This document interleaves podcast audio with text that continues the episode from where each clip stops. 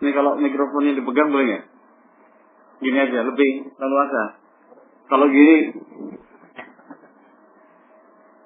yang ini ya? Yang mana? Ini. Yang untuk speaker kita aja di sini. Yang mana? Ini. Oh. Ah. Kalau ini untuk mana yang lebih baik dipegang yang atas atau yang bawah? Kalau gini nanti gini maunya saya bisa gini, bisa gini, Ada gitu. yang kecil. Ini kira Gak apa?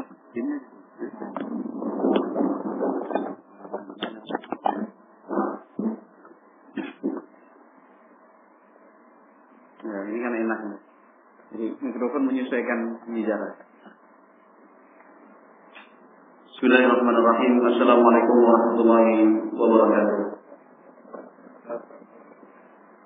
إن الحمد لله نحمده ونستعينه ونستغفره ونعوذ بالله من شرور أنفسنا ومن سيئات أعمالنا.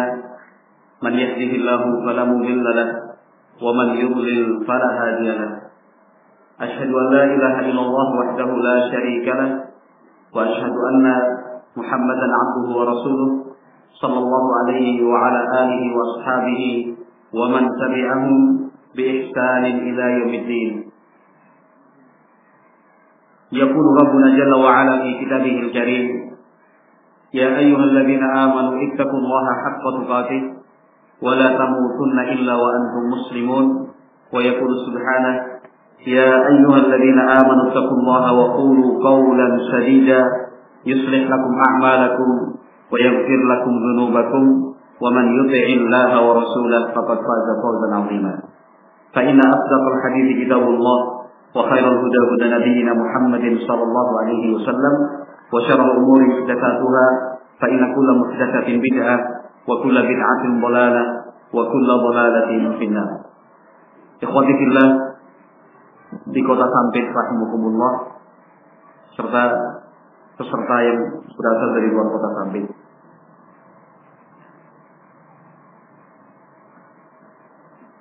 Ada sebuah hadis Rasulullah Shallallahu Alaihi Wasallam yang disabdakan oleh beliau. Seandainya kita mengerti dan memahami betul isi dari sabda Nabi Shallallahu Alaihi Wasallam tersebut.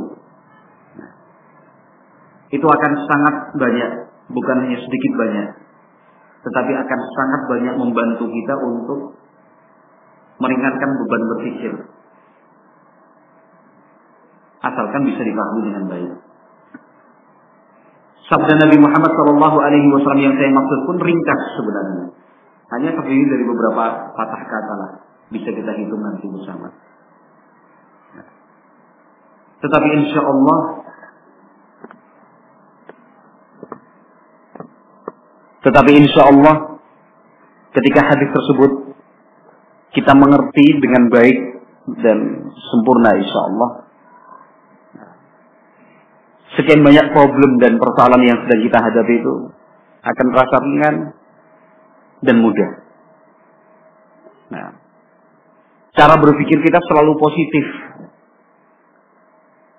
orientasi atau tujuan akhir yang ingin kita capai bukan lagi hal-hal yang sifatnya duniawiyah. Tetapi lebih besar dan lebih jauh dari itu semua yaitu berorientasi pada akhirat surga Allah Subhanahu wa taala. Kita tidak bisa pungkiri dan kita pun sepakat bahwa hidup di dunia ini tidak akan pernah mungkin berhenti dari masalah. Jika ada di antara kita yang mulai berpikir hidup tanpa masalah, artinya sama sekali dia tidak mau menghadapi masalah, itu sama, sama saja dia tidak mengerti hakikat hidup di dunia itu untuk apa dan bagaimana. Nggak akan mungkin hidup ini di dunia tanpa masalah.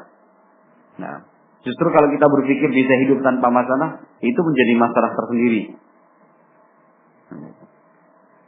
Rasulullah Nabi Muhammad Shallallahu Alaihi Wasallam bersabda di dalam sebuah hadis yang di hasankan oleh Syekh Al-Albani rahimahullahu taala dari sahabat Abu Hurairah radhiyallahu taala anhu. Coba kita perhatikan baik-baik sabda Nabi Muhammad sallallahu alaihi wasallam berikut ini. Ini sabda Nabi, bukan ucapan orang biasa. Nabi Muhammad sallallahu alaihi wasallam ketika berbicara itu pasti berdasarkan bimbingan wahyu dari Allah Subhanahu wa taala. Yang beliau bawakan dan sampaikan pasti benar, tidak ada sedikit pun tidak ada sedikit pun unsur salah dan kurangnya dari sabda Nabi Muhammad wasallam. Itu kita yakini betul sebagai umat dan mengikutnya. Kata Rasulullah sallallahu alaihi wasallam, "Ma yazalul bala'u bil mu'min wal mu'minati."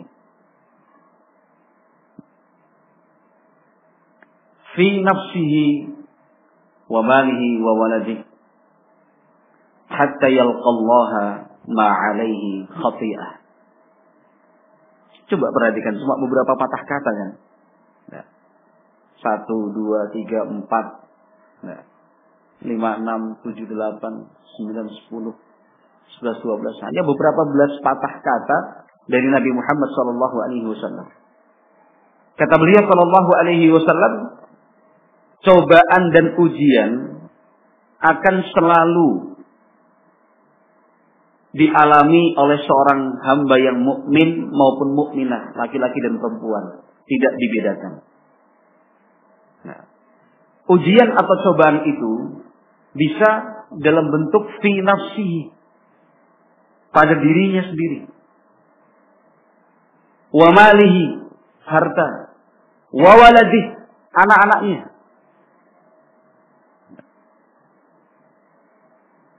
Artinya Nabi Muhammad Shallallahu Alaihi Wasallam menyebut tiga hal ini sebagai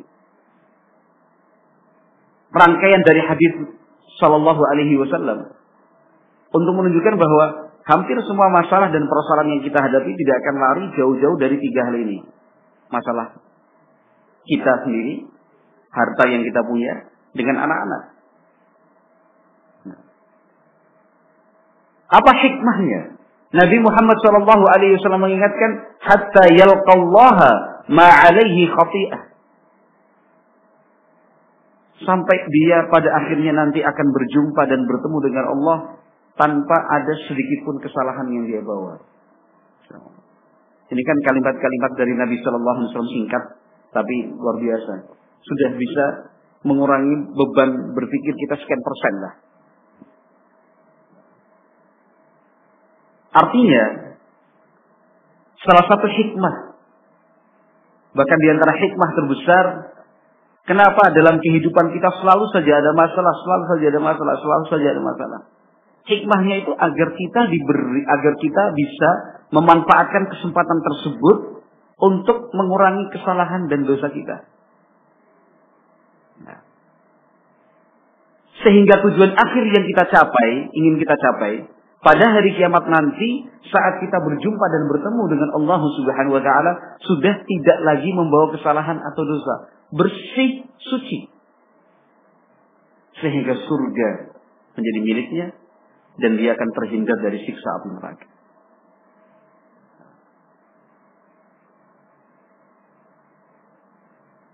Seorang hamba yang berpikir positif seperti ini, dia akan menjalani serta menghadapi hari-hari yang penuh dengan masalah, yang penuh dengan problematika itu dengan senyum, optimis, percaya diri, berpikir positif. Bahagia dan senang. Nah, karena dia berpikir dan itu adalah keyakinan dia bahwa masalah yang sekarang ini sedang muncul itu adalah kesempatan yang Allah Subhanahu wa taala berikan nah, agar kita bisa masuk ke dalam surganya, terhindar dari siksa api neraka. Nabi Muhammad Shallallahu Alaihi Wasallam menyebutnya ma yazalu al bala. Kalau kita belajar bahasa Arab yang disebut dengan ma yazalu itu artinya terus begitu, tidak ada pernah berhenti. Nah, kalau dalam bahasa konteks bahasa Arab, nah, susunan atau rangkaian kata ma yazalu al bala itu artinya terus menerus tidak pernah berhenti. Ada saja. Kan itu yang kita rasakan sekarang. Nah, yang kita rasakan memang demikian. Nah, Jangankan menyelesaikan satu masalah. Sehingga berkurang daftar masalah yang kita hadapi. Sebelum masalah itu selesai, masalah lain sudah muncul kembali. Masalah yang lain sudah muncul kembali. Tapi saat kita sudah punya keyakinan yang baik, cara berpikir yang benar, nah, kita tunduk dan taat dengan ketentuan dari Allah Subhanahu wa taala yang telah ditetapkan seperti itu, maka satu persatu akan optimis kita selesaikan ini. Satu, satu, satu, satu, satu, satu.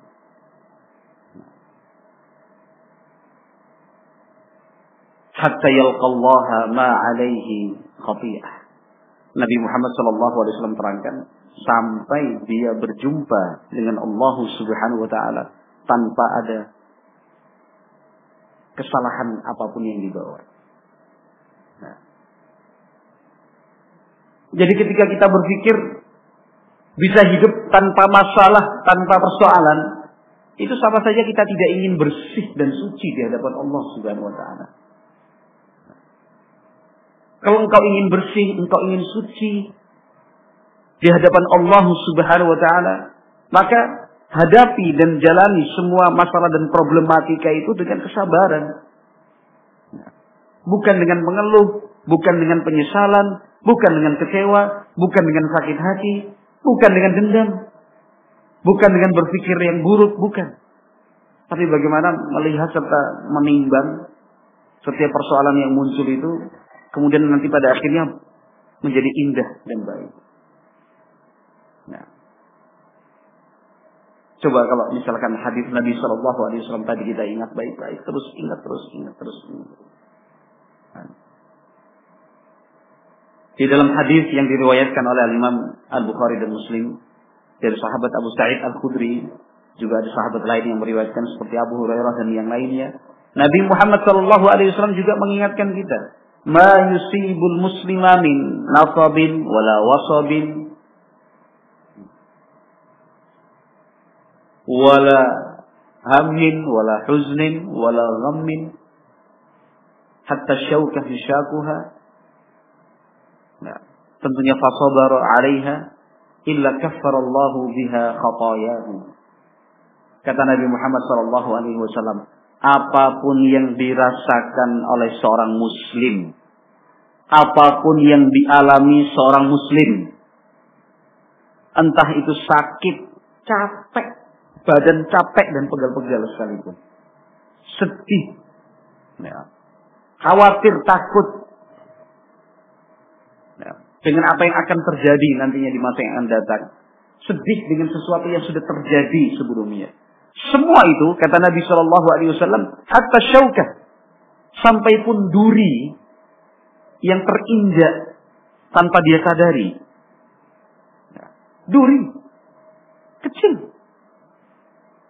Asalkan dia jalan itu semua dengan kesabaran. Illa kaffarallahu biha khatayahu. Melainkan pasti Allah subhanahu wa ta'ala akan gugurkan kesalahan-kesalahan yang dia punya. Ini semakin memperkuat serta mempertegas sabda Nabi Shallallahu Alaihi Wasallam yang pertama tadi. Nah, artinya Rasulullah Shallallahu Alaihi Wasallam mendidik dan mengajarkan kepada umatnya, menanamkan betul untuk kita bahwa sudah seperti itulah sikap seorang Muslim. Nah, memang seharusnya seperti itu sikap seorang pengikut Rasulullah Shallallahu Alaihi Wasallam. Ketika dia punya masalah sampai Nabi Shallallahu Alaihi Wasallam menyebutnya capek, nasab. Nasab artinya capek. Nah. Padahal ini kan sesuatu yang pasti kita alami. Kalau sakit, barangkali belum tentu setiap hari kita sakit. Nah. Meskipun Nabi Muhammad SAW juga menyebutkannya dalam rangkaian hadis tadi. Nah. Sakit. Tetapi kalau sudah namanya capek dan lelah itu, pasti setiap hari, setiap malam kita rasakan capek bekerja, capek beribadah, semua jenis dan segala bentuk capek yang disebut dengan capek itu. Nah, pusing, pening, sakit gigi. Nah, ketika kita berpikir sesuatu yang telah terjadi tidak sesuai dengan apa yang kita harapkan, mungkin di situ kecewa, barangkali sakit hati, tapi coba dihapus, dibuang hal-hal yang negatif seperti itu, justru kita hadapi dengan sabar, kita terima itu adalah takdir dan ketentuan dari Allah Subhanahu wa taala. Nah, karena apa pun yang sudah kita usahakan dan kita upayakan ternyata minim hasilnya. Nah, kemudian terkadang kita dibuat sibuk untuk memikirkan besok akan berbuat apa dan bagaimana. Nah, itu juga bagian dari ujian atau cobaan dari Allah Subhanahu wa taala. Besok gimana? Kalau begini bagaimana? Nah, hal-hal seperti itu semua asalkan kita menghadapinya dengan sabar, mengharap ridho dari Allah Subhanahu wa taala, itu menjadi sebab takfirul dzunubi wal khataya. Menjadi sebab dosa dan kesalahan yang kita perbuat itu digugurkan, dihapus oleh Allah Subhanahu wa taala. Hadisnya Bukhari Muslim. Nah, itu sabda Nabi Muhammad sallallahu alaihi wasallam. Sekarang pertanyaannya, kalau misalkan ada di antara umat beliau, di antara kita. Nah, kalau seandainya ada seorang muslim, prinsip hidupnya sudah kembali kepada kedua hadis ini saja. Padahal hadis-hadis Nabi kan banyak sebenarnya. Tapi seandainya, seandainya ada seorang muslim ada di antara kita yang menjalani kehidupan di dunia ini dengan berprinsip berdasarkan dua hadis Nabi Shallallahu Alaihi Wasallam tadi. Pertanyaan yang ingin saya sampaikan, kira-kira lah orang seperti ini hidupnya itu optimis atau pesimis kira-kira? Kira-kira pesimis atau optimis? Hmm? Optimis kan? Optimis. Apa yang mau dia khawatirkan? Apa yang mau dia sedihkan? Ya. Pasti optimis. Pasti berpikir dengan tenang. Ya. Pasti selalu bisa mengambil sisi positif dari setiap masalah yang dia hadapi. Ya. Ketika sudah kembali kepada kedua ke beberapa hal tadi, artinya mampu mengambil sisi positif dari setiap masalah yang dia hadapi, dia yakin, dia percaya kepada kekuatan Allah Subhanahu wa taala, dia yakin bahwa ketika dihadapi dengan kesabaran, semua akan berakhir dengan kebaikan. Nah, dia yakin bahwa itu adalah takdir dari Allah sehingga dia harus tunduk dan ketundukan kepada takdir Allah Subhanahu wa taala itu adalah sebuah pahala juga. Nah, akhirnya dia punya semangat ya, punya semangat dan motivasi untuk menghadapi semua masalah itu dan diselesaikan satu persatu, satu, satu, satu, satu, satu. Terus begitu satu. Nah, maka mudah-mudahan kita semua di sini tidak melupakan pesan dari Nabi Muhammad SAW yang telah kita dengarkan dari dua hadis di depan tadi. Nah, hadis yang pertama, kira-kira pembahasannya seperti apa? Sebelum kita lanjutkan, agar tidak lupa. Yang pertama kan keterangan dari Nabi Shallallahu Alaihi Wasallam bahwa nah, setiap hamba itu akan selalu diuji kan ya Pasti itu yang hadis pertama. Kalau misalkan apa namanya kita tidak bisa hafal sabda Nabi Shallallahu Alaihi Wasallam secara kata per kata, minimalnya secara makna lah. Nah, hadis yang pertama tadi itu kan disebutkan bahwa Nabi Muhammad Wasallam bersabda, ujian akan selalu terus menerus tidak pernah berhenti menimpa seorang mukmin baik laki-laki maupun perempuan. Nah, pada dirinya sendiri, terkait dengan harta yang dia punya, terkait dengan anak-anaknya, nah, dengan tujuan saat dia berjumpa dengan Allah Subhanahu wa taala sudah tidak lagi membawa beban dosa dan kesalahan. Nah, yang kedua, Nabi Shallallahu alaihi wasallam menjelaskan apa pun yang dialami oleh seorang muslim, ya, sakit, capek dan yang semisalnya, apa pun yang dia alami, asalkan sabar menjalani, maka Allah Subhanahu wa taala akan gugurkan kesalahan-kesalahan dan dosa-dosanya. Nah, kalau kita pikir-pikir, ikhwati fillah rahimani wa rahimakumullah. Memang yang selalu kita anggap sebagai masalah dan yang selalu kita jadikan sebagai persoalan hidup itu hal-hal yang sifatnya duniawi. Nah, kalau mau berani untuk melakukan introspeksi diri, ya. Kita kalau betul-betul berani untuk melakukan introspeksi diri, nyatanya memang sesuatu yang kita anggap sebagai masalah atau persoalan hidup itu selalu kaitannya dengan duniawi. Ya. Ketika kita ditanya Atau Anda yang ditanya, punya masalah? Punya. Masalahnya apa? Coba dicatatkan 1 sampai 5 atau 1 sampai 10. Saya yakin jawaban yang kita berikan tertulis maupun lisan 1 sampai 5 atau 1 sampai 10 semuanya persoalan duniawi. Yakin. Ini cara berpikir kita selama ini. Illa man rahimullah tentu. Kita tidak menafikan keberadaan hamba-hamba Allah yang saleh dan luar biasa itu. Nah. Tetapi pada umumnya ketika kita diminta catat masalahmu satu sampai lima aja. Masalah yang paling berat kamu hadapi. Satu, dua, tiga, empat, lima. Saya ulangi kembali kaitannya pasti dengan duniawi. Nah, satu sampai lima itu saya yakin pasti ada urusannya dengan utang. Yakin itu. Betul nggak? Kalau Pak Mol enggak lah. Pak Mol juga? Enggak lah. Urusannya pasti duniawi kan itu. Hutang lah, belum punya pekerjaan lah, belum punya istri lah, yang sudah punya istri belum punya anak lah. Ya kan? Masalah rumah, masalah tanah, pekerjaan, itu kaitannya dengan duniawi. Punya masalah? Punya. Masalahnya apa? Ini. Ya. Sedang ribut sama orang tua. Kemarin bertengkar sama keluarga. Ini sedang disoroti sama masyarakat. Ada isu-isu katanya mau diusir dari masyarakat. Itu kan sifatnya duniawi. Nah, harusnya kan kita berpikir juga bahwa masalah serta persoalan kita hidup di dunia ini tidak sebatas masalah-masalah duniawi. Tetapi marilah kita berpikir tentang akhirat kita juga lah. Kita berpikir tentang akhirat kita juga. Nah, jadikanlah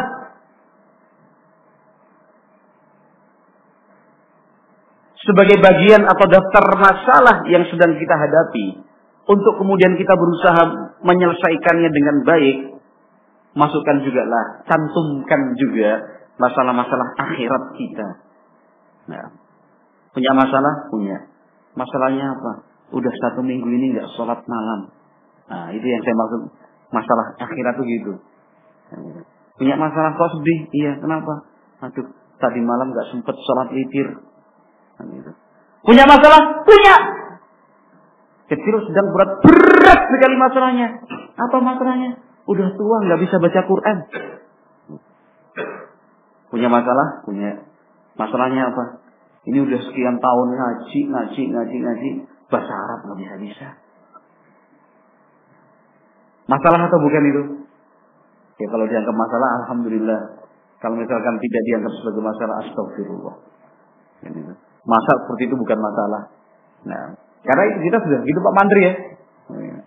Kita terbiasa gitu, terpola untuk menilai dan menganggap masalah itu hal-hal yang kaitannya dengan duniawi. Kaitannya dengan duniawi. Kan itu. Kalau berangkat kerja terlambat masalah. Tapi kalau berangkat sholat berjamaah terlambat bukan masalah. Enjoy aja. Masya Allah. Nah, kalau misalkan, nah, barakallahu fikum, nah, menghadiri kegiatan reuni sekolah, yang ternyata dalam kegiatan reuni sekolah atau reuni kampus itu banyak hal-hal yang membuat hati ini tidak tenang.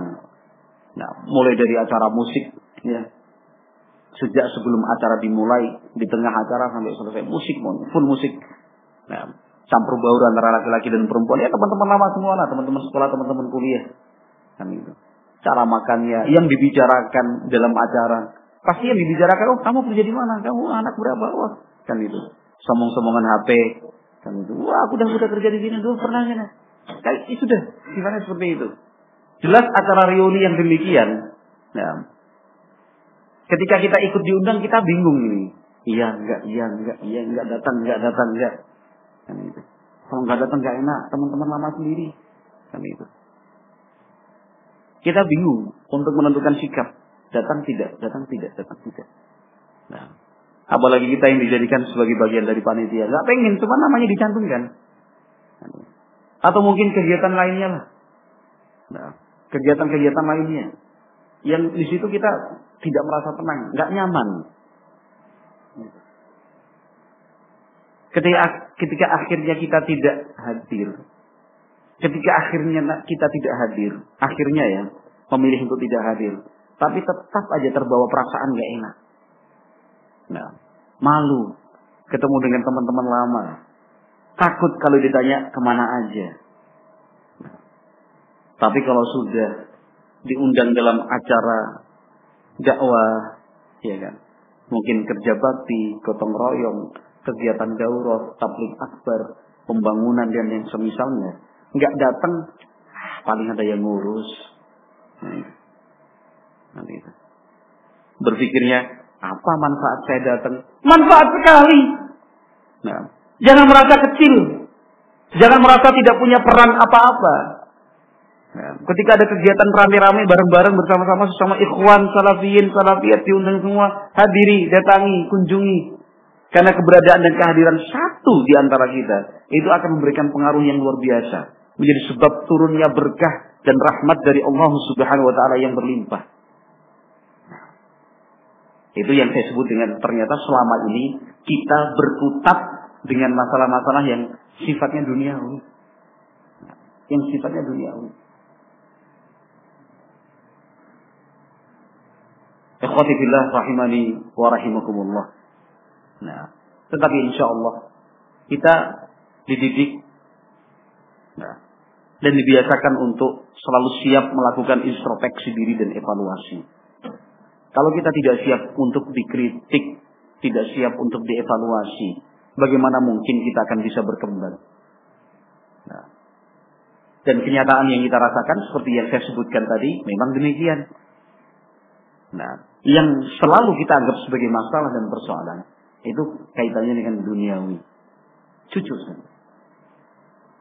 Nah, tapi insya Allah kita punya keinginan dan tekad yang baik untuk memperbaiki diri sedikit demi sedikit, sedikit demi sedikit, sehingga betul-betul menjadi hamba yang diridhai oleh Allah Subhanahu wa taala.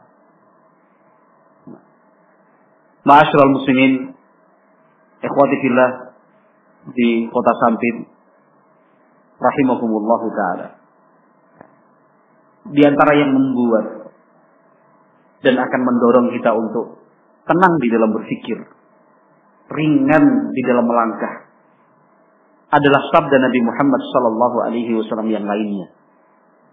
Nah, tenang dalam berpikir, ringan dalam melangkah saat menghadapi kenyataan hidup di dunia ini yang ternyata memang tidak akan bisa lepas dari masalah dan cobaan.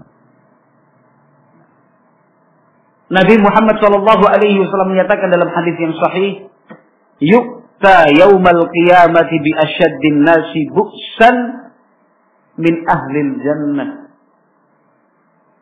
Nah, min ahli dunia. Kata Nabi Shallallahu Alaihi Wasallam nanti pada hari kiamat kelak akan dihadirkan dan didatangkan seorang hamba yang termasuk hidupnya paling sengsara dan paling menderita selama di dunia. Ini sabda Nabi Shallallahu Alaihi Wasallam. Artinya nanti pada hari kiamat orang yang paling susah hidupnya, paling menderita selama di dunia, banyak masalah dan persoalan yang dia hadapi, itu akan dihadirkan pada hari kiamat. Nah, didatangkan di hadapan sekian makhluk tentunya. Tetapi orang ini termasuk penduduk surga. Walaupun banyak masalah, banyak persoalan yang dia hadapi, tetapi konsep iman dan takwanya itu tidak luntur. Dia terus mengedepankan iman, mengedepankan takwa. Nah, coba bayangkan kehidupan orang yang paling menderita di dunia itu seperti apa sih? Nah, lagi-lagi kita akan berpikir orang yang paling menderita hidupnya di dunia itu kalau sudah kekurangan fisik dan materi itu yang paling menderita hidupnya. Iya kan? Cara berpikir kita kan begitu pada umumnya. Kalau ditanya orang paling menderita itu apa? Bayangannya itu orang yang hidupnya di tengah apa? Di tengah eh, di tengah hutan tempat terpencil, rumahnya kecil, gubuk, kekurangan air, nggak ada listrik, ya kan? Kurus, penyakitan, kan itu nggak punya teman, nggak ada keluarga, pekerjaannya nggak teratur, seringnya nggak makan, seringnya nggak minum. Bukan begitu yang kita anggap sebagai orang yang paling menderita di dunia. Betul nggak? Kan itu. Atau tidak tinggal di tengah hutan, tapi di tengah-tengah kota. namun, namun di bawah kolong jembatan tempat yang kumuh, ya kan.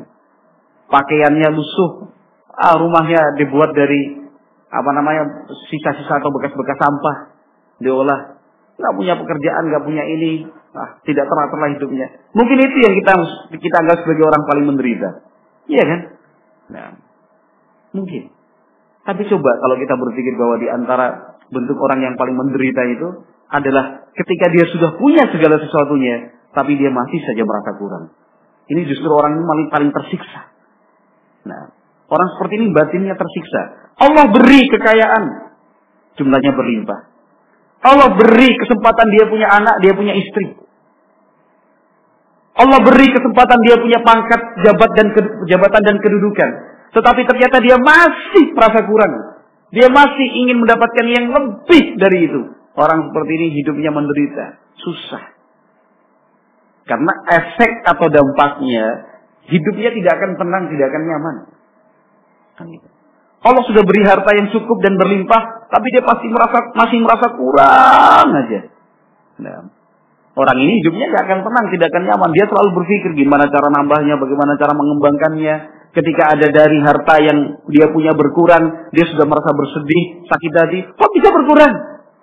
Orang seperti ini nggak tenang hidupnya. Nah. Takut akan disaingi, takut akan disianati. Nah. Dia berpikir cara menjaga, menyimpannya seperti apa. Nah, udah nggak tenang hidupnya.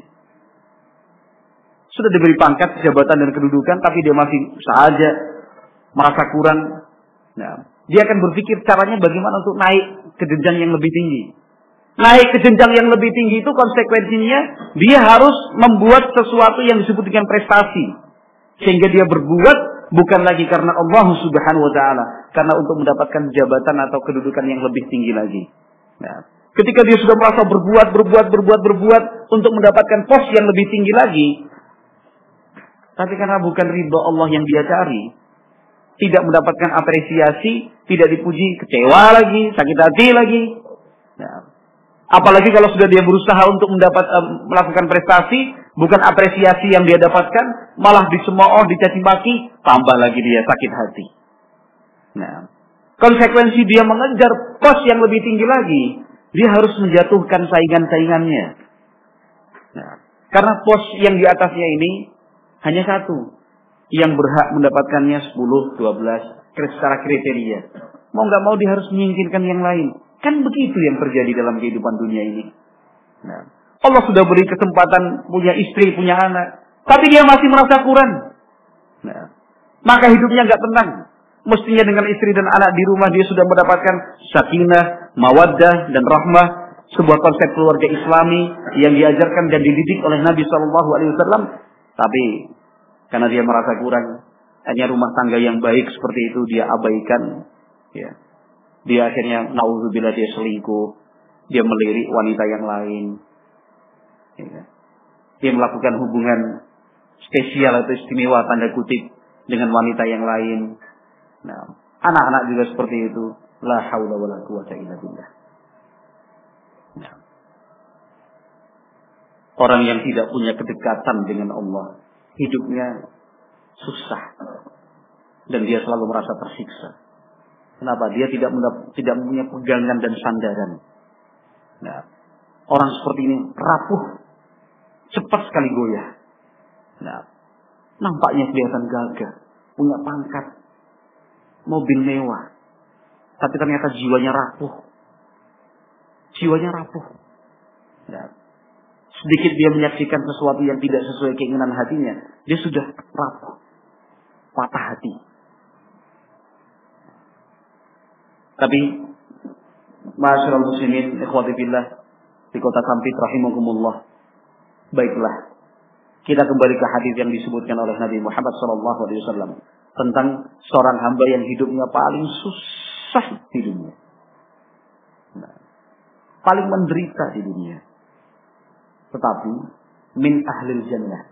Tapi orang ini walaupun menderita dan susah, meskipun sengsara hidupnya di dunia, tetapi termasuk penduduk surga. Kenapa? Konsep iman dan takwanya tidak luntur. Nah. Coba sekarang kita bayangkan saja sebagai contoh. ada seorang muslim beriman dan bertakwa berpegang dengan sunnah Nabi Muhammad Sallallahu Alaihi Wasallam. Dia punya komitmen untuk mengamalkan Al-Quran, kitab suci umat Islam. Dia juga punya komitmen untuk melaksanakan sabda-sabda Nabi Muhammad SAW di dalam hadis-hadis yang sahih. Dia punya komitmen. Dia juga punya komitmen untuk mengikuti jejak as-salafus saleh, generasi terbaik dari umat ini. Punya komitmen. Ya. Tapi ternyata dalam kehidupan duniawiyahnya, dia sengsara dan menderita. Dia diuji oleh Allah SWT dengan penyakit yang tak kunjung sembuh penyakit. Ambil sebagai contoh misalkan asma tapi kronis akut. Jadi tiap seminggu sekali sakit. Tiap dua minggu sekali harus istirahat dua hari, tiga hari, empat hari. Akibatnya dia tidak punya pekerjaan tetap. Siapa yang mau mempekerjakan orang yang seminggu libur sekali, di luar hari libur resmi, kan gitu ya. Yang kekuatan fisiknya tidak bisa diandalkan. Akhirnya punya pekerjaan, pekerjaannya tidak tetap. Nah, pekerjaannya tidak tidak tetap. Yang itu nanti mengakibatkan dia tidak punya kemampuan untuk mempunyai rumah permanen atau tempat tinggal yang menjadi miliknya sendiri, kontrak, itu. Karena penyakit asma yang dia derita, sehingga ke, kesempatan dia untuk bergaul atau melakukan interaksi dengan tetangga dan yang lainnya ya intensitasnya minim, sehingga dia nggak punya teman, yang jelas orang ini, Masya Allah, secara duniawi menderita sekali. Sangat-sangat menderita sekali. Sebut saja kita tambah penderitaannya ya. Dalam contoh. Dia hidup di dunia, mohon maaf, nggak punya istri. Ya karena sakit kita. Mau proses, ngisi apa riwayat kurikulum vitae-nya ya, mau tukar biodata nih. Ditanya sama calon istrinya, Punya penyakit? Dijawab, iya. Asma kambuhan. Tiap seminggu sekali pokoknya sakit. Dua minggu sekali, tiga hari tiga malam gak bisa apa-apa. Iya, jarang lah kita mempunyai seorang wanita solehah yang siap menerima apa adanya seperti itu. Enggak lah siapa juga yang mau. Emang orang yang sehat udah habis apa stoknya. Gagal lagi, gagal lagi. Sampai umur 40, umur 50 nggak nikah-nikah juga. Tapi Masya Allah. Konsep iman dan takwanya kuat. Dia punya komitmen sudah saya gambarkan di depan tadi. Komitmennya kembali kepada Al-Quran. Komitmennya kembali kepada sunnah Nabi Muhammad SAW. Komitmennya untuk meniru jejak as-salafus itu kuat sekali. Ya, betul-betul kuat sekali. Ya. Orang seperti ini kan susah dan menderita dalam ukuran kita. Nah, Rasulullah Shallallahu Alaihi Wasallam mengkabarkan bahwa pada hari kiamat nanti orang yang paling susah hidupnya di dunia dan paling menderita itu akan dihadirkan. Fayus baru fil. Orang tadi kalau secara harfiah sabda Nabi Shallallahu Alaihi Wasallam orang yang paling menderita hidupnya di dunia tadi itu dicelupkan di dalam surga satu kali celupan. Kemudian dikeluarkan kembali dari surga. Kalau dalam bahasa kita untuk lebih mudah dipahami, orang tadi dipersilahkan masuk surga sebentar, sekian detik aja. Setelah itu dipersilahkan lagi untuk setelah itu dikeluarkan kembali dari surga. Walaupun pada akhirnya nanti akan masuk kembali ke surga ya. Tetapi Allah subhanahu wa ta'ala hendak menunjukkan untuk kita, memperlihatkan buat kita semua. Bahwa kenikmatan surga itu seperti apa. Dicelup di surga, dikeluarkan lagi. Orang ini ditanya, Hal ra'aita bu'san qat hal marra bika syiddatun qat. Orang tadi itu ditanya, "Wahai hamba, pernah engkau melihat penderitaan? Pernah engkau merasakan kesusahan? Sekali saja." Fayaqulu la wallahi ya Rabb. Ma ra'aitu bu'san qat ma marra bi syiddatun qat. Orang tadi menjawab, "Tidak pernah, ya Allah." Demi Allah, tidak pernah saya merasakan penderitaan. Tidak pernah saya menemukan kesusahan. Nah. Artinya kalau misalkan seorang hamba, dia hidup di dunia selama 70 tahun, 80 tahun penuh dengan penderitaan ya. Semua jenis penderitaan telah dia rasakan.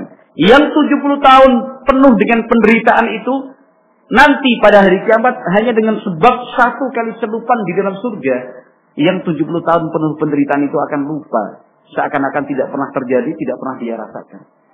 Luar biasa kan nikmatnya surga itu. Cuma sebentar yusbagu fil jannati sabgha. Kalau sabda Nabi menyebutnya dengan dicelupkan ke dalam surga sekali celupan saja, cukup.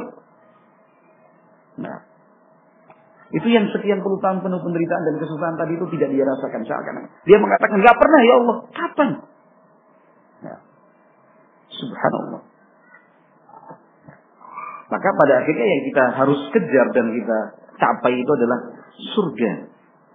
Nah, menjadi hamba yang senantiasa mengedepankan iman dan takwa, berjalan di atas bimbingan ilmu agama. Nah, sehingga bukan hanya penderitaan di dunia saja yang kita rasakan, kesusahan dan kesulitan. Nah, tapi yang kita harapkan besok pada hari kiamat kita akan mendapatkan kebahagiaan dan kesuksesan.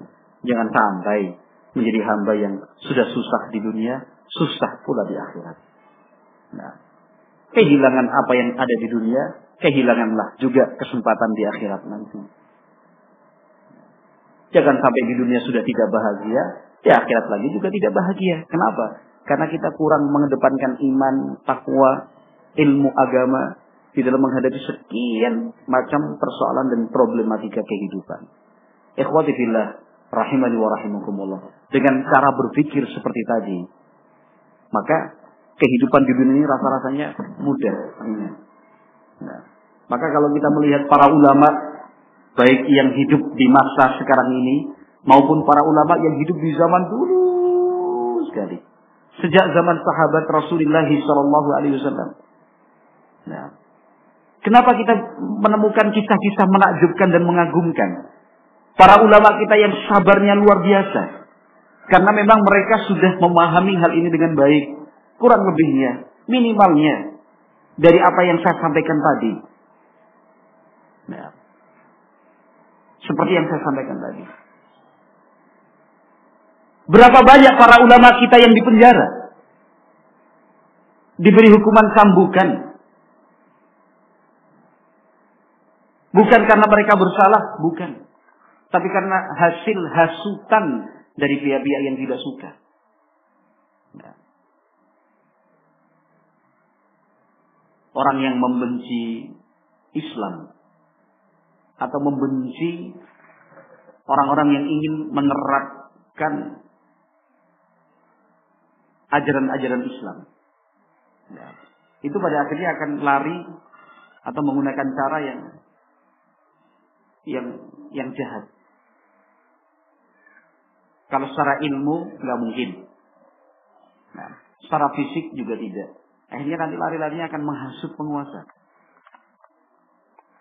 Memberikan informasi-informasi yang tidak benar tentang mereka-mereka yang punya komitmen untuk mengamalkan Al-Quran dan Sunnah Nabi Muhammad SAW. Itu dari dulu sampai sekarang dan akan datang konsepnya seperti itu. Ya.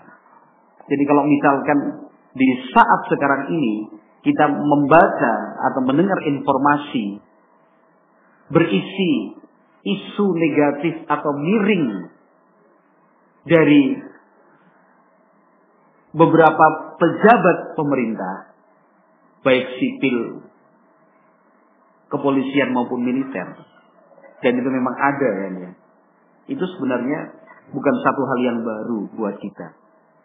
Para pendahulu kita, para ulama pun sudah pernah merasakannya. Sekian pihak memberikan informasi yang tidak benar karena hasad, iri, dengki, tidak suka dan yang lainnya. Nah, tentang orang-orang yang punya komitmen untuk mengamalkan Al-Quran dan Sunnah Nabi Muhammad SAW. Ya. Imam Ahmad bin Hanbal rahimahullah seperti itu kan dihasut. Ya. Penguasa saat itu dihasut untuk memusuhi Imam Ahmad sampai Imam Ahmad dipenjara, disiksa, bukan cuma sekedar dipenjara, bahkan sampai pada tingkatan siksaan. Nah, pada tingkatan siksaan. Syekhul Islam Ibn Taimiyah rahimahullah taala pun seperti itu. Di penjara berkali-kali, bukan sekali dua kali Syekhul Islam Ibn Taimiyah itu di penjara, berkali-kali di penjara. Kenapa? Hasutan dari orang-orang yang tidak suka kepada penguasa. Dia begini, dia begini, dia begini, dia begini. Nah, tapi coba tengok cara beliau-beliau di dalam menghadapi semua itu. Nah, apakah beliau hadapi dengan apa? Sikap kasar atau anarkis? Tidak. Apakah beliau-beliau menghadapinya dengan dendam? Juga tidak. Nah, ketika beliau-beliau para ulama kita yang diuji dengan hal-hal seperti tadi, itu justru menunjukkan sikap sabar, ya, lemah lembut, kasih sayang, mendoakan kebaikan. Justru menjadi contoh dan teladan bagi yang lain. Justru semakin disegani dan dihormati. Imam Ahmad bin Hanbal rahimahullah, Syekhul Islam Ibn Taimiyah rahimahullah taala di akhir hidupnya memaafkan semua pihak-pihak yang pernah menyakiti beliau. Nah, hal ini jangankan untuk kita lakukan, berpikir untuk memaafkan aja enggak. Enggak lah. Jahat seperti itu mau dimaafkan. Enggak lah. Insya. Sementara para ulama kita memaafkan. Bahkan didoakan. Ya. Imam Ahmad bin Hanbal rahimahullah ta'ala. Ya. Selalu mendoakan Allahumma gfir lil mu'tasim. Allahumma gfir lil mu'tasim. Allahumma gfir lil mu'tasim. Itu doa Imam Ahmad. Doanya malah memohon agar Allah Subhanahu wa taala memberikan ampunan kepada orang yang paling bertanggung jawab atas hukuman-hukuman yang pernah dijalani Imam Ahmad bin Hambal rahimahullah taala. Nah, jadi Imam Ahmad itu kan hidup di empat kekhilafahan. Tiga khalifah yang apa dihasut dan dipengaruhi oleh para pemikir Mu'tazilah dan yang lainnya Kemudian yang keempat, ketika khalifah yang menjabat adalah khalifah yang mencintai sunnah Nabi Muhammad SAW. Nah, ada al-mu'tasim billah. Nah, ada al-mansur billah. Ada al-ma'mun. Tiga khalifah ini semuanya sama. Dihasut, dihasut, dihasut, terpengaruh. Nah, dan paling bertanggung jawab adalah al-mu'tasim. Di masa Al-Mu'tasim inilah, Khalifah Al-Mu'tasim inilah, Imam Ahmad rahimahullah taala dihukum, dipenjara, disambuk, disiksa segala macam. Nah, setelah masa pemerintahan Al-Mutawakkil billah, barulah nama Imam Ahmad, nama balik, nama baik beliau direhabilitasi. Nama nama beliau direhabilitasi.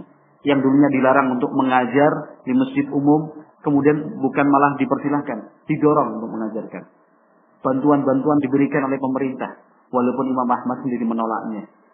Beliau terima tapi kemudian untuk dibagi-bagikan kepada beberapa pihak yang dinilai nah, tepat untuk menerima bantuan tersebut.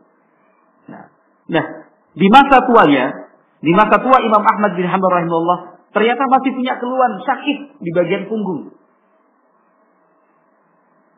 Seorang kawannya yang berprofesi sebagai dokter itu pernah datang menjenguk. Kenapa kok terasa sakit? Nggak tahu di bagian sini. Diperiksa sama tabib itu dokter ya.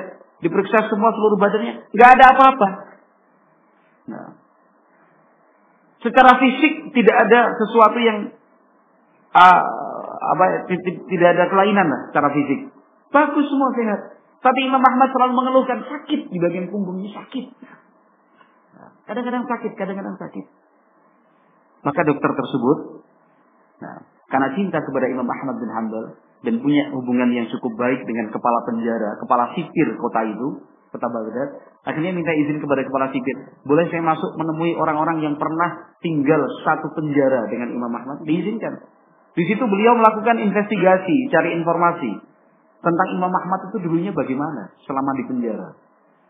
Lalu diperoleh, diperolehlah informasi bahwa saat Imam Ahmad dicambuk-dicambuk itu sampai berdarah-darah sampai luka lecet ya. Nah, sampai apa namanya? koyak kulit dan daging beliau rahimahullahu taala.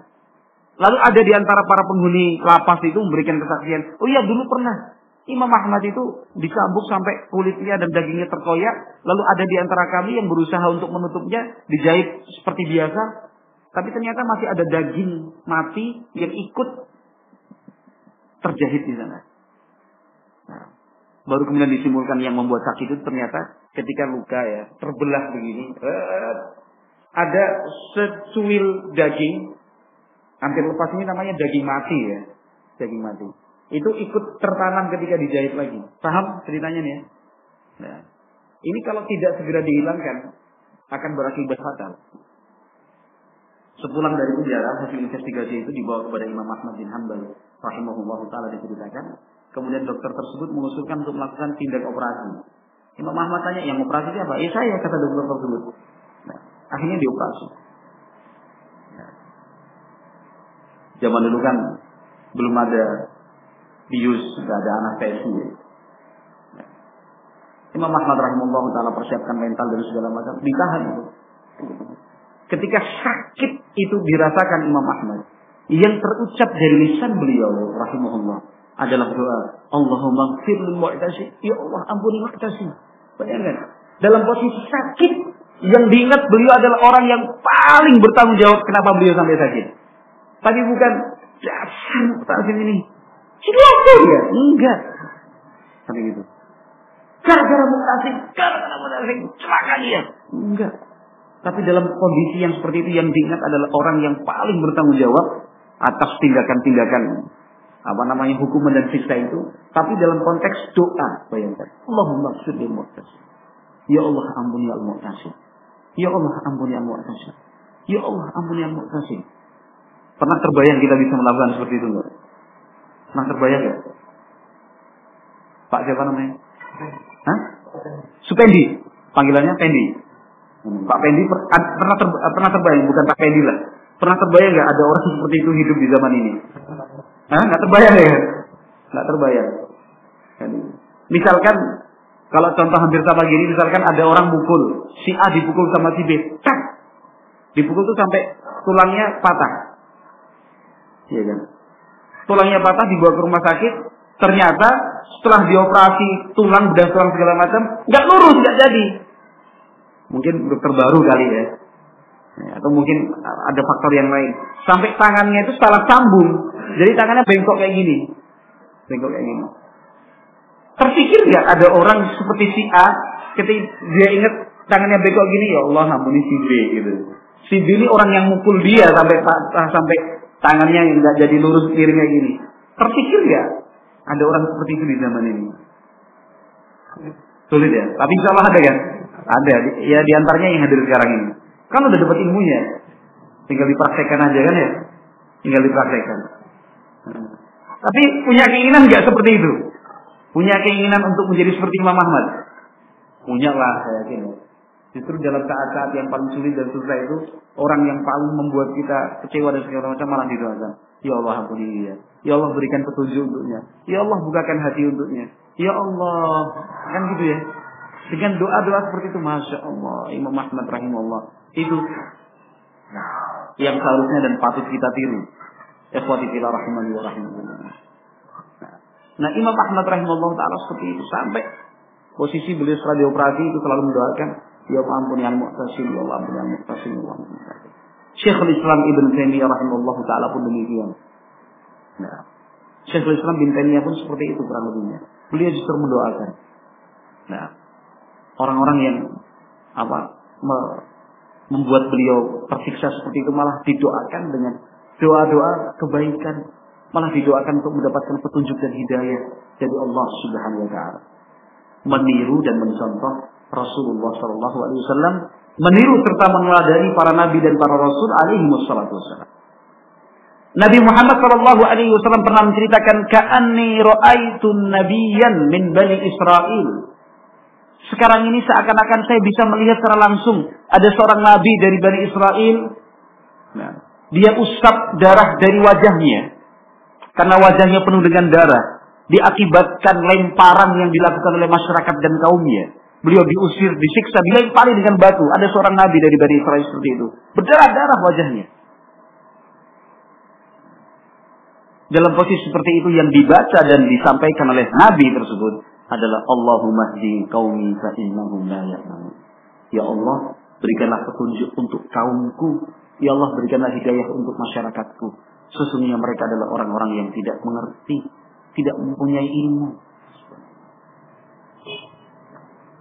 Kalau kita ya cenderungnya untuk membalas, ya kan? Atau tidak ada yang seperti kita. Kalau saya bahasakan tadi kan kalau kita cenderungnya ingin mem membalas. Kecuali kalau di luar kita, mungkin ada yang imannya luar biasa, masya Allah. Barakallahu fiqh. Tapi pada umumnya orang berpikir itu untuk membalas keburukan dengan kebu keburukan. Nah. Nabi Muhammad Shallallahu Alaihi Wasallam juga seperti itu, sama dengan Nabi dan Rasul Rasul lainnya. Ketika Rasulullah Shallallahu Alaihi Wasallam itu berdakwah ke kota Taif, yang jaraknya 70 sampai 80 km dari kota Mekah. Cukup jauh. Jalan kaki itu Nabi Sallallahu Alaihi Wasallam. Karena beliau sudah mengajak orang-orang Quraisy untuk membela, tampil mendukung beliau ditolak. Kabilah dan suku di sekitar kota Mekah juga menolak. Akhirnya Nabi Muhammad berusaha untuk apa namanya menjadikan warga Taif dari kabilah Sakif namanya untuk menjadi pembela Islam, tapi juga mereka menolak. Ditolak. Bukan cuma menolak, bahkan mereka mengusir Nabi Muhammad SAW dari kampung halaman mereka. Bukan cuma diusir, Nabi Muhammad SAW bahkan dilempari. Bukan mohon maaf, kami tidak bisa menerima ajakan dari Bapak, jadi lebih bagus Bapak cari tempat yang lain aja. Enggak. Tapi sudah ditolak, pergi, pulang. Sudah pergi, disuruh pergi, suruh pulang. Anak-anak sini anak-anak, orang itu lemparin sana. Itu Nabi Shallallahu Alaihi Wasallam. Anak-anak dikumpulkan, diatur, ya, dikondisikan melempari Nabi Shallallahu Alaihi Wasallam. Anak-anak kecil yang dilempari Rasulullah Shallallahu Alaihi Wasallam sampai berdarah dalam sebuah riwayat disebutkan seperti itu. Nah, sampai kemudian Nabi Muhammad berlindung di dalam sebuah kebun ya. Nah, mereka berhenti untuk tidak melempari. Nah, kemudian Nabi Muhammad melanjutkan perjalanan pulang ke Mekah. Coba bisa bayangkan nggak? Sekarang kita sekarang bisa nggak membayangkan Nabi Muhammad seperti itu? Kan? Dari Taif ditolak, ya, diusir, diusir, bahkan dilempari sampai berdarah.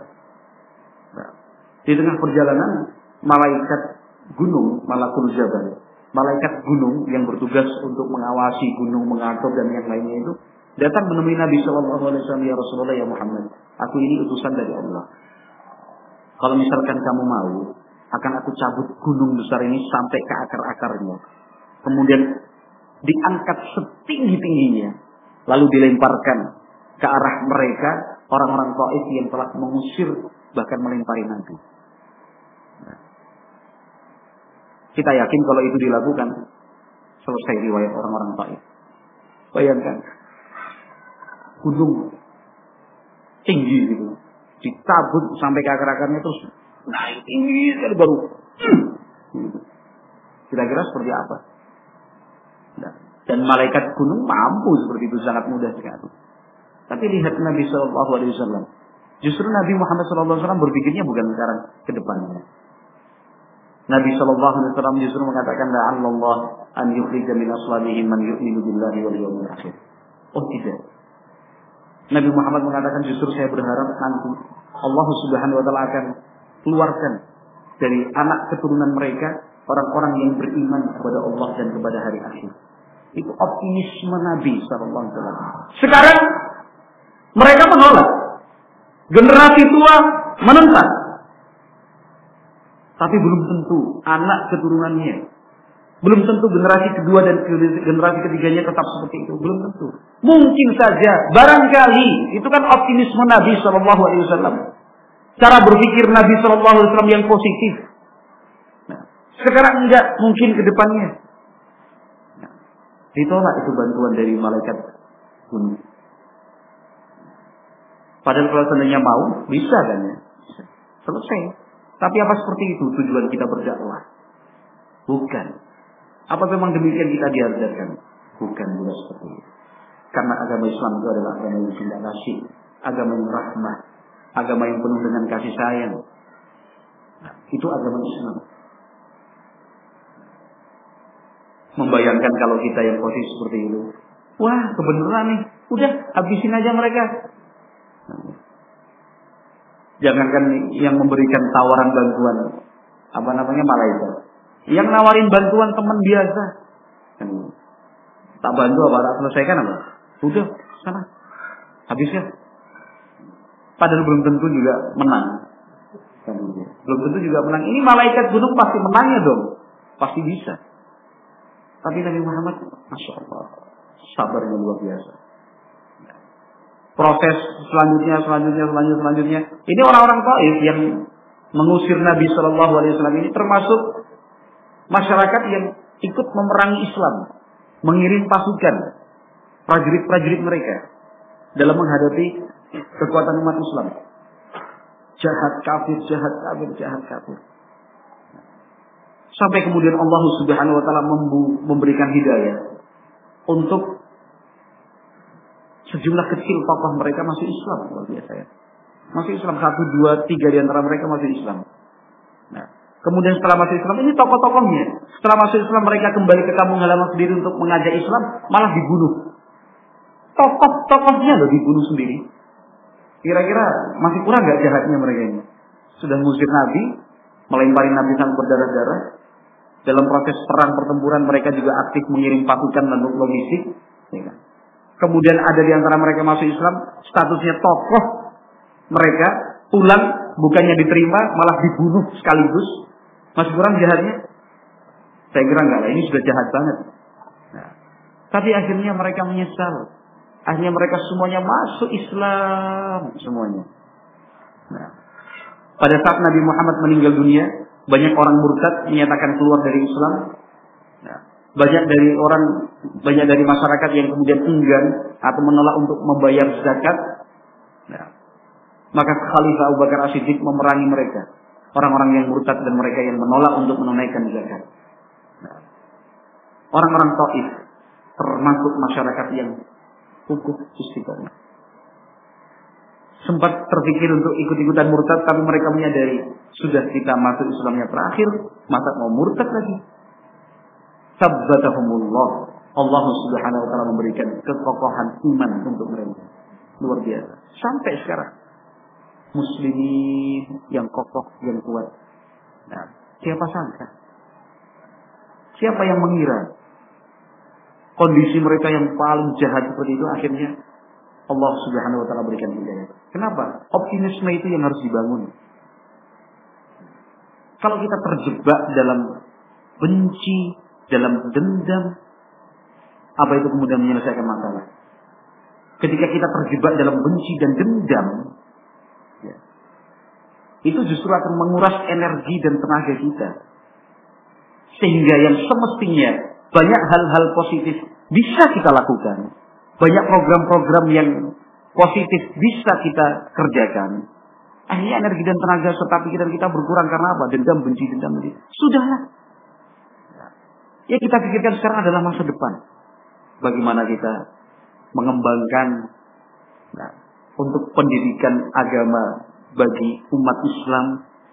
Nah, secara khusus di daerah kita dan secara umum masyarakat muslim di luar daerah kita sekaligus. Nah, kita gunakan waktu, tenaga, pikiran kita nah, untuk maju ke depan. Sambil terus berdoa, semoga Allah Subhanahu wa taala senantiasa melimpahkan keikhlasan dan kesabaran. Sambil terus berdoa, mudah-mudahan masyarakat kita secara umum mendapatkan hidayah dari Allah Subhanahu wa taala.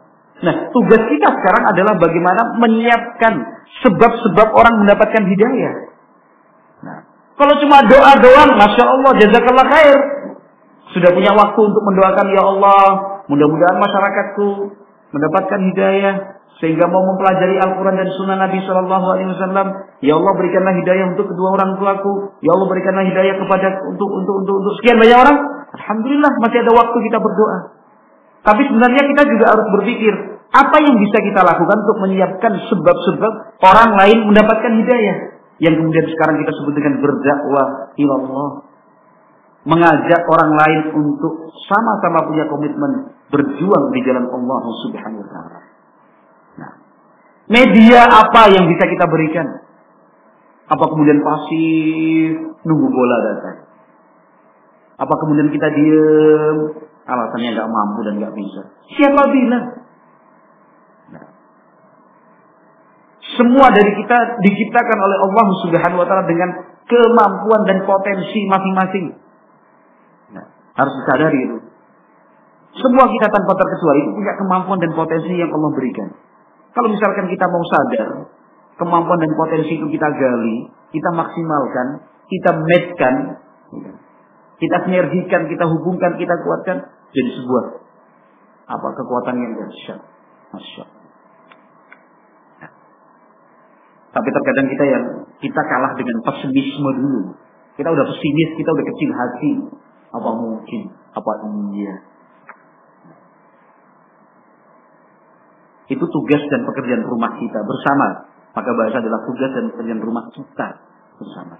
Bagaimana menyiapkan media-media agar masyarakat kita itu lebih maksimal untuk mengenal konsep kembali kepada Al-Quran, konsep kembali kepada Sunnah Nabi Muhammad SAW, konsep kembali kembali kepada mazhab atau manhaj as-salafus salih. Maka dakwah digiatkan dengan berbagai cara fasilitas yang Allah berikan. Nah, caranya bagaimana? Mungkin ada satu waktu khusus, Ustaz Muhammad, kita duduk bareng bersama Ikhwan-Ikhwan, tapi bukan dalam konteks begini. Ya, 30 menit lah saya minta. Apa yang bisa kita lakukan? Kurang lebih itu yang akan kita bicarakan. Apa yang bisa kita lakukan men untuk menjadi perantara media agar orang lain tertarik dan punya kesadaran kembali kepada agama Islam yang sebenarnya. Sehingga kita paham bahwasanya tugas ini bukan cuma di pundaknya Ustadz Muhammad misalnya. Dikit-dikit, ah Ustadz Muhammad aja. Ah, Ustadz Muhammad aja. Ah, kita nggak punya ilmunya. Nanti kita kalau salah gimana? Ya akhirnya Ustadz Muhammad gemuk akhirnya. Karena bebannya kan banyak. Banyak juga. Tapi coba kita berpikir secara positifnya sederhananya. Masing-masing kita itu punya potensi. Punya kemampuan yang Allah beri. Pasti punya. Tapi kenapa kita tidak mau berpikir untuk memanfaatkan potensi dan kemampuan tersebut untuk berdakwah ila Allah Subhanahu wa taala. Ya monggo lah saya cuma minta waktu 30 menit, tapi konteksnya diskusinya yang ringan-ringan aja. Kalau seperti ini kan agak resmi ini. Ya kita ngobrol santai. Tidak mesti semua kalau misalkan yang berkenan misalkan separuhnya juga nggak ada masalah. Kalau misalkan seperempatnya cuma tiga orang saja, masya Allah. Tiga orang ini kalau jadi duta dakwah dan maksimal, waduh, tak sampai.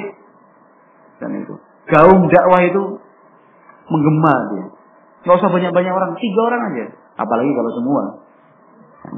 Tapi dalam arti kata misalkan, wah saya punya kesibukan Ustaz, izin, silakan. Saya nggak bisa Ustaz, ya silakan. Yang tersisa cuma tiga nih. Alhamdulillah. Dari yang tiga ini. Islam di kota Madinah. Islam di kota Madinah berkembang dengan luas. Awal-awalnya kan melalui seorang duta yang diutus Nabi, Mus'ab bin Umair. Satu aja. Satu aja. Memang sebelumnya sudah ada 70-an lebih penduduk kota Madinah yang masuk Islam. Tetapi yang kemudian diutus oleh Nabi Shallallahu Alaihi Wasallam untuk mengajarkan rincian dari syariat Islam, seorang sahabat namanya Mus'ab bin Umair. Melalui sebab Mus'ab bin Umair inilah kemudian gaung dakwah itu menggema Islam, Islam, Rasulullah Muhammad, Al-Quran, Rasulullah, surga neraka, la ilaha illallah itu jadi bahan pembicaraan masyarakat umum. Nah, sehingga mereka kemudian tertarik dengan konsep Islam karena konsep Islam itu kan sempurna. Cara berpikirnya sederhana. Kita sama-sama yakin bahwa Islam adalah ajaran yang sempurna. Cara kita berpikir sederhana sekali bahwa umat Islam di mana pun dan kapan pun pasti mencintai Al-Quranul Karim. Pasti mencintai Nabi Muhammad SAW. Itu pasti. Nggak mungkin deh. Sejahat apa pun orang dia pasti kalau disebut Al-Quran atau nama Nabi Muhammad dia pasti tunduk dan hormat. Jadi fitrah umat Islam itu menerima Al-Quran dan menerima sunnah Nabi Muhammad SAW sebagai konsep hidup. Kita sepakat di sini? Sepakat Pak? Saya lupa Pak siapa namanya? Pak Cahrian ya? Pak Syahrir sepakat ya? Gitu. Saya yakin semuanya sepakat. Seperti saya dan Pak Syahrir sepakat. Orang Islam kapan pun dan di mana pun itu dia pasti punya kecintaan pada Al-Quran dan Sunnah. Pasti tunduk pada Al-Quran dan Sunnah. Yang menjadi masalah sekarang adalah cara kita menyampaikannya kepada umat Islam. Ini Pak, isi Al-Quran, ini Pak kandungan sabda Nabi Shallallahu Alaihi Wasallam. Kalau misalkan cara penyampaian kita tepat, metodenya pas, saya yakin tidak akan ada yang menolak. Minimalnya akan mengatakan, iya saya terima, saya paham. Tapi mohon maaf, saya belum bisa untuk melaksanakannya. Tapi secara prinsip dia sudah bisa mana?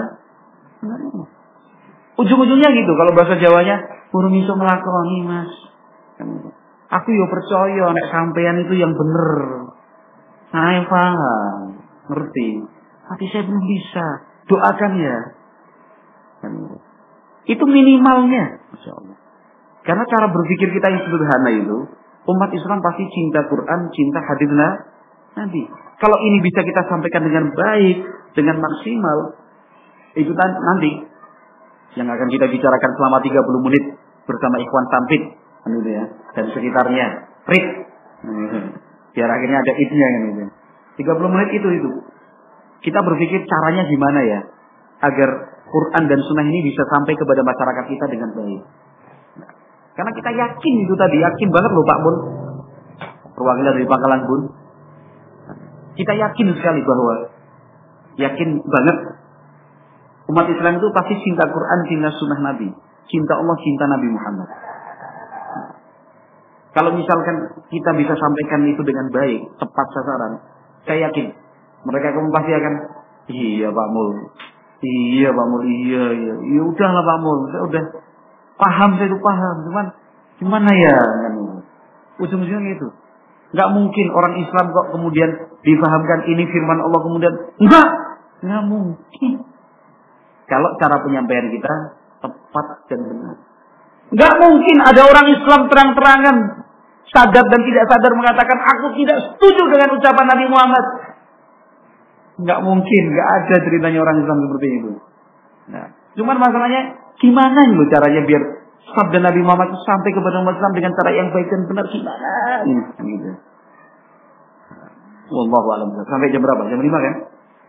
Sampai jam 5. Gitu kan? Prakteknya yang paling penting sekarang. Tinggal kita sepakati 30 menit itu kapan? Setelah sholat isya nanti? Atau ada pekerjaan? Oh, dua hari ini kita libur dulu lah dunianya. Ya kan Pak Mul, pulang apa nginep? Oh nginep. Monggo lah saya menunggu dari Ustaz Muhammad. Yang penting 30 menit aja lah. Bahasanya ya kalau mau bahasa kerennya pembekalan. Nah, pembekalan bahasa keren. Tapi konsepnya apa namanya uh, terbuka tapi terbatas kan gitu. Terbuka tapi terbatas. Kalau gini kan satu arah aja nih. Saya aja yang ngomong. 30 menit itu kita maksimalkan satu dua tiga empat lima poin, gak usah banyak-banyak. lima poin ini aja jalanin. Atau terlalu banyak, tiga poin aja nih coba jalankan. Udah hasilnya luar biasa.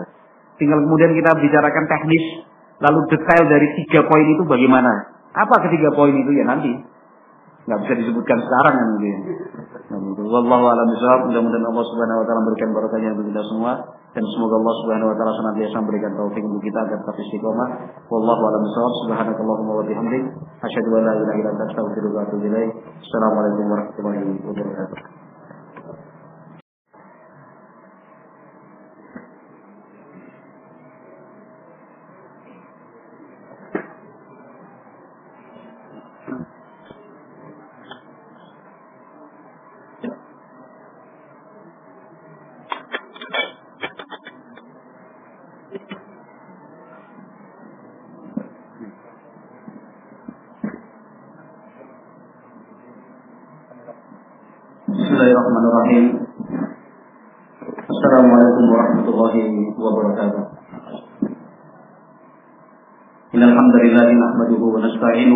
نستغفره ونعوذ بالله من شرور أنفسنا ومن سيئات أعمالنا. من يهده الله فلا مضل له ومن يضلل فلا هادي له. أشهد أن لا إله إلا الله وحده لا شريك له وأشهد أن محمدا عبده ورسوله صلى الله عليه وعلى آله وأصحابه ومن تبعهم بإحسان إلى يوم الدين.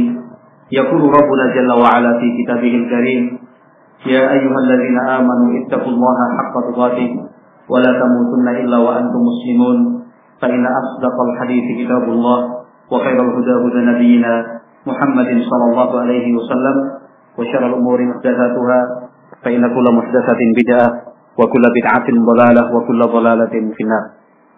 Ma'asyiral muslimin jamaah salat maghrib Masjid Al-Jihad Kota Sampit rahimakumullah. Jika kita berbicara tentang kesabaran maka yang berada pada posisi paling puncak kesabaran adalah Nabi besar Muhammad sallallahu alaihi wasallam. Beliau adalah uswah dan teladan untuk kita semua. Siapa pun yang menjadikan Nabi Muhammad sallallahu alaihi wasallam sebagai teladan maka akan memperoleh kesuksesan sebagaimana kesuksesan itu telah diraih oleh Nabi Muhammad SAW. Oleh sebab itu, di sinilah letak pentingnya kita untuk terus mengkaji dan mengulang untuk mengkaji sejarah hidup Nabi Muhammad Sallallahu Alaihi. Masalah dan persoalan apa pun yang kita rasakan di dunia ini, Sesungguhnya Nabi Muhammad SAW pun pernah merasakan dan menjalaninya. Beliau Shallallahu Alaihi Wasallam menjalani dan uh, mengalaminya. Beliau hadapi itu semua dengan kesabaran. Maka semestinya kita pun demikian juga menghadapi semua masalah itu dengan kesabaran. Mau berbicara tentang apa?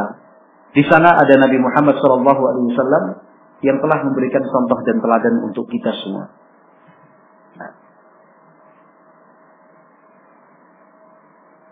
Nabi Muhammad Wasallam bahkan jika dibandingkan dengan apa yang kita alami, beliau berkali-kali kali lipat lebih berat masalah dan persoalan yang dihadapi. Akan tetapi beliau Shallallahu Alaihi Wasallam memberikan contoh untuk kita dan beliau sukses, maka tugas dan kewajiban kita sebagai umat dan pengikut beliau adalah untuk mengikutinya serta meneladaninya. Nah.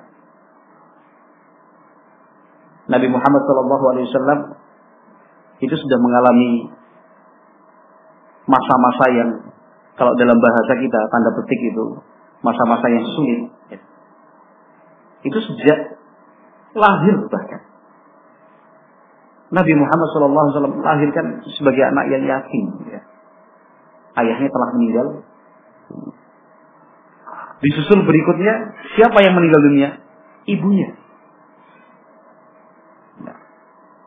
Lalu satu persatu orang yang dekat dengan Nabi Shallallahu Alaihi Wasallam meninggal dunia, kakeknya Abdul Muttalib. Kemudian setelah itu Abu Talib, pamannya, orang yang paling membela dan berada di garis terdepan di dalam menolong Nabi Muhammad SAW. Setelah itu istrinya Khadijah bintu Khuwailid radhiyallahu anha. Orang yang paling besar pengaruhnya ya, di dalam semangat berdakwah yang dilakukan oleh Nabi Muhammad sallallahu alaihi wasallam. Kemudian orang-orang tercinta dan terdekat Nabi Shallallahu Alaihi Wasallam meninggal dunia semasa beliau hidup ada pamannya Hamzah bin Abdul Muttalib, ada tiga orang putrinya, satu orang anak laki-lakinya. Itu semua meninggal dunia semasa Nabi Muhammad SAW masih hidup. Nah, ini kan masa-masa yang sulit. Nah, artinya siapa pun dari kita yang mengalami masa sulit dikarenakan orang yang dia cintai orang yang paling dekat dengan yang meninggal dunia. Ingatlah selalu bahwa Nabi Muhammad SAW pun pernah mengalami. Sehingga tidak ada alasan bagi kita untuk tidak bersabar. Kita tidak punya alasan untuk kemudian terus tenggelam dalam kesedihan. Kita tidak punya alasan. Kenapa? Nabi Muhammad pun Shallallahu Alaihi Wasallam pernah diuji dengan hal yang sama. Orang-orang tercinta itu kan ya, meninggal, meninggal, meninggal, meninggal, meninggal. Shallallahu Alaihi Wasallam. Hidup seorang diri tanpa orang tua, tanpa kakak, tanpa adik. Yang ada adalah paman dan bibi. Tetapi dalam pengertian kita selama ini, orang yang hidup tanpa kedua orang tua karena sudah meninggal kedua-duanya, orang yang hidup tanpa kakak, tanpa adik, kita sering menyebutnya dengan orang yang sebatang kara. Walaupun punya paman, punya bibi, ya. Tapi tetap orang yang seperti ini dalam kacamata kita adalah orang yang sendiri hidupnya. Dan Nabi Muhammad SAW juga mengalaminya. Nah, Nabi Muhammad SAW juga mengalami. Tapi beliau sabar, sabar, sabar. Dalam urusan kepemilikan harta. Nabi Muhammad SAW sejak kecil itu kan sudah mandiri. Bekerja menggembalakan kambing milik penduduk Mekah dengan upah. Kemudian mulai beranjak dewasa, Nabi Muhammad SAW mendapatkan pendidikan berdagang jual beli dari pamannya Abu Talib. Nah, jadi kehidupan beliau secara materi dan harta itu juga mengalami masa-masa sulit. Bahkan setelah Nabi Shallallahu Alaihi Wasallam diangkat sebagai Nabi dan Rasul, pilihan hidup yang dijalani oleh Nabi Muhammad Shallallahu Alaihi Wasallam adalah hidup yang sederhana Bahkan lebih tepat dikatakan kekurangan secara fisik dan materi. Bagaimana Nabi Shallallahu Alaihi Wasallam sering berpuasa. Nah, dikarenakan ketika pagi datang, beliau bertanya kepada istri, hal indah min ta'am punya makanan sarapan atau tidak? Tidak ada. Kalau begitu saya puasa kata Nabi. Nabi Muhammad yang sering mengikatkan batu atau bata di perut beliau untuk mengganjal karena lapar. Nabi Shallallahu Alaihi Wasallam yang rumah tangganya, menurut istri-istri beliau, marra alaina hilalun, thumma hilalun, thumma hilalun, walam yakun ma'ana illa al-aswadan al-ma'u wa tamru. Rumah tangga Nabi Shallallahu Alaihi Wasallam yang dikatakan oleh istri-istrinya terbit hilal pertama, kedua, ketiga, artinya dua bulan berturut-turut. Nah, tidak ada makanan yang kami punya kecuali air dan kurma air minum dan kurma, air putih biasa. Tapi sahabat-sahabat Ansor terutama tetangga-tetangga beliau sering mengirim makanan. Tapi itu pilihan hidup Nabi Shallallahu Alaihi Wasallam. Nah, rumah Nabi Shallallahu Alaihi Wasallam sederhana. Bahkan saya yakin banyak dari kita yang lebih kaya dalam hal ini dibandingkan Rasulullah. Perabot rumah tangga dan perkakas pun demikian. Shallallahu Alaihi Wasallam. Jadi siapa pun di antara kita yang kemudian diuji oleh Allah Subhanahu wa taala karena atau dalam bentuk kekurangan harta menurut kita ya fasilitas penunjang yang tidak lengkap ingatlah selalu bahwa Nabi Muhammad Shallallahu alaihi wasallam pernah mengalami hal yang sama.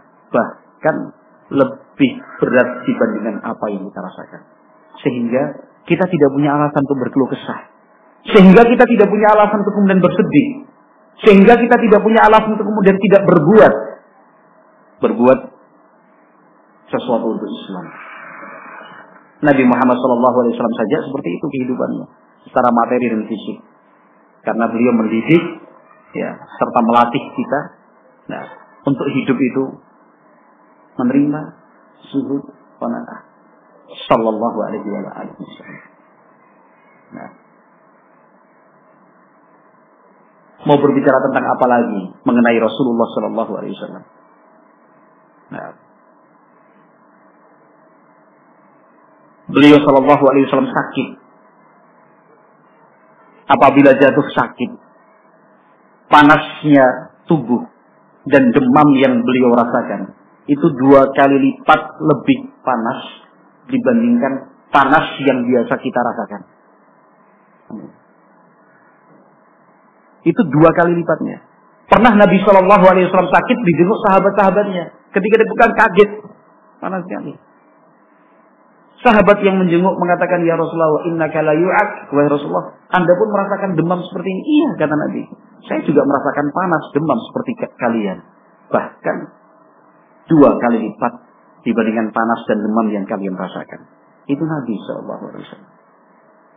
Nah, Nabi Shallallahu Alaihi Wasallam pernah mengalami masalah sulit kesakitan karena diracun makanannya oleh orang Yahudi. Nabi Muhammad pernah bertamu nah, di perkampungan Yahudi. Nabi diracun, sempat makan. Dan pengaruhnya itu terus terbawa, Shallallahu Alaihi Wasallam. Sakit karena akibat racun. Nah, kalau demikian, nah, apa alasan kita berkeluh kesah ketika sakit? Nabi Shallallahu Alaihi Wasallam juga pernah berdarah-darah karena gigi seri beliau retak atau bahkan patah.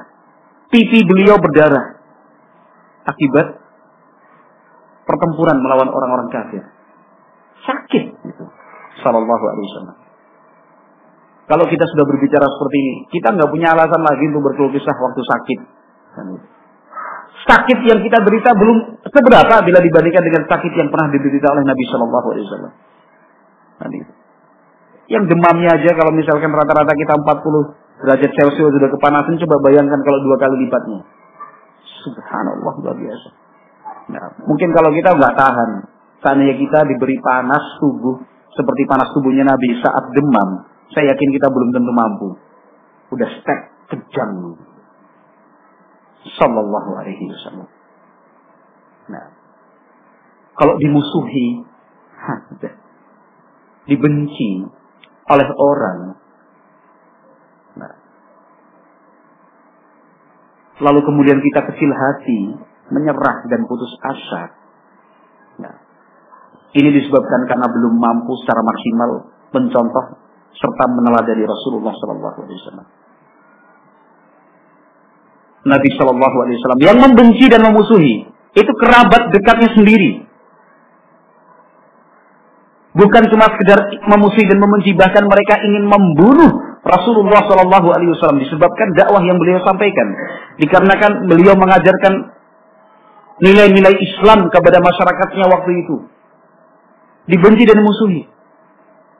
Nah, pamannya Abu Lahab kerabat-kerabat dekatnya, masyarakatnya membenci Nabi Shallallahu Alaihi Wasallam. Tetapi apakah itu dijadikan alasan Nabi lalu berhenti, kemudian mundur, apalagi jalan ke belakang? Enggak. Nah, artinya siapa pun dari kita yang diuji dan dicoba oleh Allah Subhanahu Wa Taala, karena disebabkan ingin mengamalkan Islam semurni-murninya, ingin kembali kepada ajaran Nabi Muhammad SAW lalu dibenci dan dimusuhi. Nah, kita tidak punya alasan untuk sedih, kita tidak punya alasan untuk mundur, kita tidak punya alasan untuk patah semangat, karena ternyata Nabi Muhammad pun mengalami hal yang sama. Bahkan lebih dari apa yang kita alami. Nah. Dan itu semua dilalui dan dijalani oleh Nabi Muhammad SAW dengan bersabar. Nah. Memang yang membedakan ya kesabaran. Nah, yang membedakan kesabaran. Coba bayangkan, seberapakah besar kesabaran Nabi Shallallahu Alaihi Wasallam. Marilah kita jadikan sebagai sebuah pelajaran dan pembelajaran untuk kita semua. Nah, agar kita yakin bahwa ternyata kita belum ada apa-apanya. Belum ada apa-apanya. Sehingga tidak punya alasan untuk tidak sabar. Tidak punya alasan untuk kemudian berhenti di tengah jalan. Kita nggak punya alasan. Walaupun kita dimusuhi, walaupun kita dibenci. Apakah pernah kita mengalami seperti yang dialami oleh Nabi Muhammad Sallallahu Alaihi Wasallam? Nabi mengajak kebaikan kepada umat, kepada masyarakatnya. Pamannya yang bernama Abu Lahab itu terus mengikuti dari belakang sambil mengatakan jangan percaya dia ini keponakan saya, saya paman kandungnya, anak ini gila. Jangan percaya.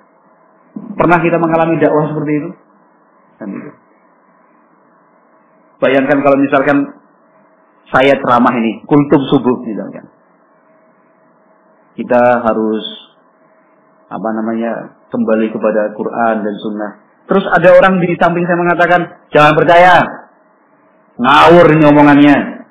Kita setiap kali bicara orang yang di samping kanan kiri saya selalu mengatakan jangan percaya ngapusi, bohong orang ini. Itu ngibul aja. Hei, pernah ngalami seperti itu? Nggak pernah. Ini Nabi Muhammad Wasallam yang mendapatkan wahyu dari Allah. Setiap kali beliau berbicara, paman kandungnya, paman kandungnya Abu Lahab. Paman kandung Abdul Uzza bin Abdul Muthalib namanya. Itu dari belakang ngikutin aja, jangan percaya, bohong. Saya pamannya kandungnya, paman kandungnya loh. Ini keponakan saya. Kena sihir ini. Diam. Jangan ikuti. Bohong. Tapi Nabi Muhammad sabar. Apa pernah Nabi Muhammad balik badannya? Paman diam. Nggak pernah. Amin. Apa pernah Nabi Muhammad SAW kemudian mengatakan, Paman jangan ikut-ikutan, Om. Apa kamu ini Om? Enggak. Nabi terus menyampaikan, walaupun di belakangnya diikuti bersama Abu Lahab ini. Jangan, jangan ikut karena mau. Ah. Apa pernah sampai seperti itu? Kita mengalami seperti yang dialami Rasulullah.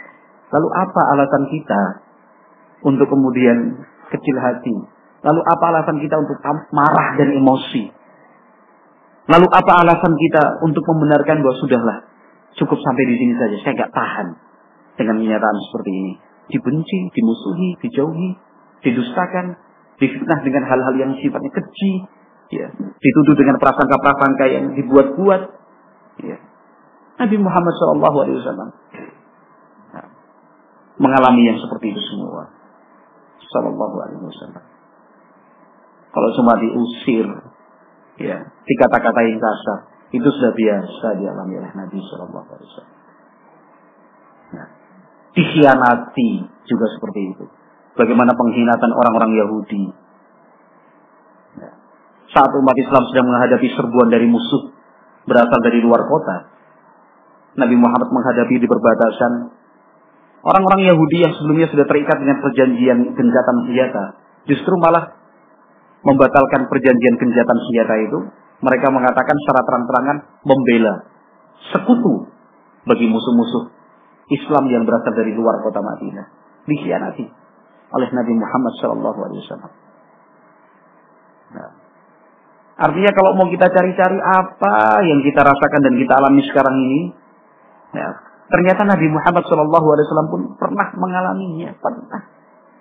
Nabi Muhammad SAW. Coba, apalagi yang belum kita rasakan? Dan tidak pernah dialami oleh Nabi Wasallam. Bagi kita yang sudah berkeluarga, nah, dengan lahirnya anak, putra putri kita itu kan ujian dan cobaan juga. Nabi Muhammad pernah mengalaminya. Anak beliau meninggal dunia, yang laki-laki, yang besar-besar hidup, nah, sampai kemudian meninggal dunia yang tiga dari mereka. Nah, Ruqayyah Zainab dan Ummu Kalsum. Nah, Nabi Shallallahu Alaihi Wasallam pun mempunyai istri-istri yang tidak, kalau dalam bahasa kita memberikan keturunan. Nabi Muhammad tidak mempunyai keturunan dari istri-istri yang lain. Tapi beliau hadapi dengan sabar. Nah, kalau kita temukan kenyataan ada di antara kita, saya tidak ingin menyinggung perasaan, saya tidak ingin menyakiti hati, demi Allah tidak. Tapi marilah kita berbicara atas nama sunnah Nabi. Mungkin ada di antara kita yang diuji oleh Allah, hidup berkeluarga rumah tangga, 10 tahun, 20 tahun, belum juga punya keturunan. Nabi Muhammad SAW pun pernah mengalami yang seperti itu. Menikah dengan sekian istri yang memberikan anak. Artinya Nabi Muhammad mempunyai anak hanya satu. Siapa? Khadijah Khuwailid. Dari Aisyah tidak, dari Hafsah tidak, dari Zainab tidak, dari Juwairih tidak, dari Safiyah tidak. Istri-istri yang lain dari Ummu Salamah tidak. Tidak ada keturunan. Tapi Nabi SAW sabar. Luar biasa kan? Itu Nabi SAW. Nah, lalu alasan kita apa sih? Nah, untuk tidak bersabar. Alasan kita untuk tidak bersabar apa coba? Nggak punya. Ketika kita bersabar pun bukan dalam posisi mau nggak mau. latar belakang dan dorongan kita untuk bersabar itu bukan karena ya terus gimana lagi? Nggak ada pilihan yang lain. Bukan. Kita bersabar menjalani ini semua. Nah, berdasarkan pilihan yang mantap. Ketika menghadapi satu masalah, sebenarnya kan banyak pilihan. Satu, dua, tiga, empat, lima, enam. Dan semua mungkin kita lakukan. Tapi dengan mempertimbangkan secara baik-baik, kita ingin mencari ridho dari Allah Subhanahu wa taala, akhirnya kita menjatuhkan pilihan pada kesabaran. Bukan karena ya gimana lagi nggak ada cara yang lain. Ya udahlah sabar aja. Ya silahkan bersabar seperti itu, tapi ya kita carikan sabar apa pada nilai dan kadar yang paling puncak. Maka Nabi Muhammad SAW menyebutnya dalam hadis yang sahih muttafaqun alaih, "Innamas sabru indas sadamatil ula."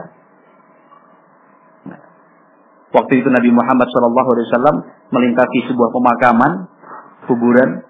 Beliau menyaksikan seorang wanita menangis, menangis, menunjukkan wanita tersebut kurang bisa menerima dengan kematian orang yang dia cintai. Nabi Muhammad SAW memberikan nasihat untuk sabar. Tetapi wanita itu tidak sadar waktu tersebut. Mungkin karena sedih atau kurang bisa menguasai perasaan. Itu tidak sadar bahwa yang memberikan nasihat itu adalah Nabi Muhammad. Kata wanita tersebut, ilaika ani. Pergi sana, jangan ikut campur urusan orang. Nabi Muhammad tetap lihat sabarnya luar biasa. Bukan kamu nggak kenal saya ya. Coba lihat balik badan. Gak. Nabi Muhammad SAW diusir kalau dalam bahasa kita. Diusir oleh wanita tersebut. Ilaika ani sana pergi. Jangan campur jangan urus apa jangan mencampuri urusan orang. Pergi. Nabi Muhammad pergi. Ya Allah. Zaman sekarang. Kan baru pangkat kecil aja. Kamu gak kenal saya? Pangkatnya kecil nih anggota ini. Ya anggota Pratu Ampara Prada. Kan itu. Mohon maaf ya. Kamu gak kenal saya? Ketua RT ini. Kamu kenal sama saya. Ini pimpinan saya ini kamu gak kenal saya ini anaknya anggota dewan Terus emang kenapa kalau anaknya anggota dewan? Harus dispesialin gitu. Lihat Rasulullah sabarnya luar biasa. Nabi Muhammad diusir bahasanya. Pergi melanjutkan. Melanjutkan perjalanan. Bukan memberikan wah dasar wanita itu. Enggak. Setelah selesai dua tengah-tengahnya. Baru orang memberitahu, kamu tahu nggak siapa dari siapa? Nabi Muhammad. Nabi Muhammad. Nyesal baru. Dikejar. Ya Rasulullah saya nggak tahu tadi. Baru Nabi Muhammad memberikan nasihat, Innamas sabru inda sadamatul ula. Hakikat sabar yang sesungguhnya itu, puncak kesabaran itu justru ketika engkau bisa bersabar saat peristiwa itu pertama kali terjadi. Nah, sabar itu sehingga bertingkat-tingkat. Nah, sabar itu sehingga bertingkat-tingkat. Misalkan, nah, contohnya, ya kan, Katakan handphone lah. Contoh handphone. Kan gitu. Ya mungkin karena kita yang teledor juga. Naik, ini contoh aja ya. Contoh, naik kapal. Gitu kan. Mainan HP di pinggir kapal. Jatuh. Hmm, belum laut. Kan itu. Itu sudah takdir dari Allah Subhanahu wa taala, sudah di luar kemampuan kita. Nah, hakikat sabar itu ketika HP ini jatuh, hmm, kita ngerti, ah, pure langsung. Innalillahi wa inna rajiun. Sudah nggak kepikiran lagi. Aduh, gimana? Aduh, enggak. Justru ketika peristiwa itu, peristiwa yang bagi kita berat dan sulit itu terjadi, kemudian kita bersabar, itu puncak kesabaran itu di situ. Ah, pure jatuh. Langsung orang, aduh sabar ya. Justru pada tingkatan yang Alhamdulillah punya alasan untuk beli HP baru lagi. Terus data-datanya bisa dicari. Nomor kontaknya hilang, bisa dicari. Sudah kemarin sempat kayak salun. Udah selesai. Itu yang namanya puncak kesabaran. Dan tidak semua orang bisa sampai ke sana. Kita semua diberi peluang dan kesempatan bisa sampai ke sana insya Allah ta'ala. Asalkan kita mau berlatih, berlatih, latihan terus belajar, berlatih, belajar, belajar, belajar. Sehingga hal yang sulit dan sesulit apa pun yang kita hadapi, maka sikap pertama kita adalah sabar. Alhamdulillah.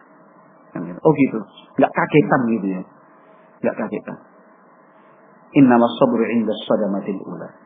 Sabar itu hakikatnya justru ketika peristiwa yang membuat kita sedih itu pertama kali terjadi langsung.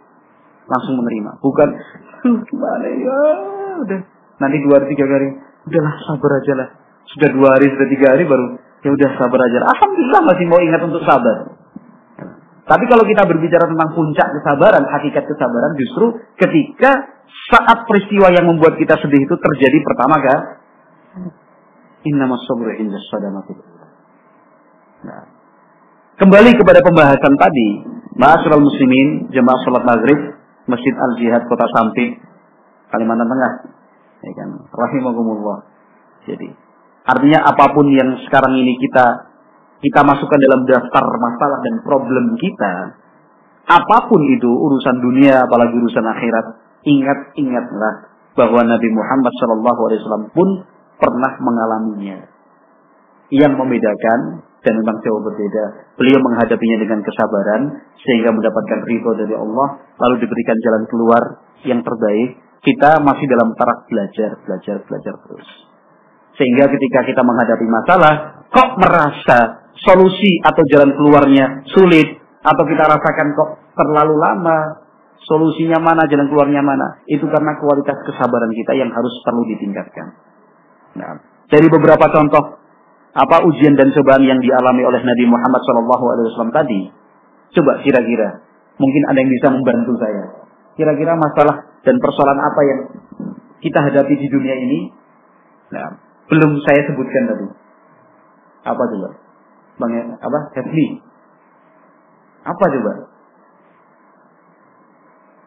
Saya yakin insya Allah kita bisa memberikan jawaban untuk semua masalah yang kita hadapi, yaitu Rasulullah juga pernah mengalaminya. Rasulullah sabar, masa kamu nggak sabar? Ya? Apa?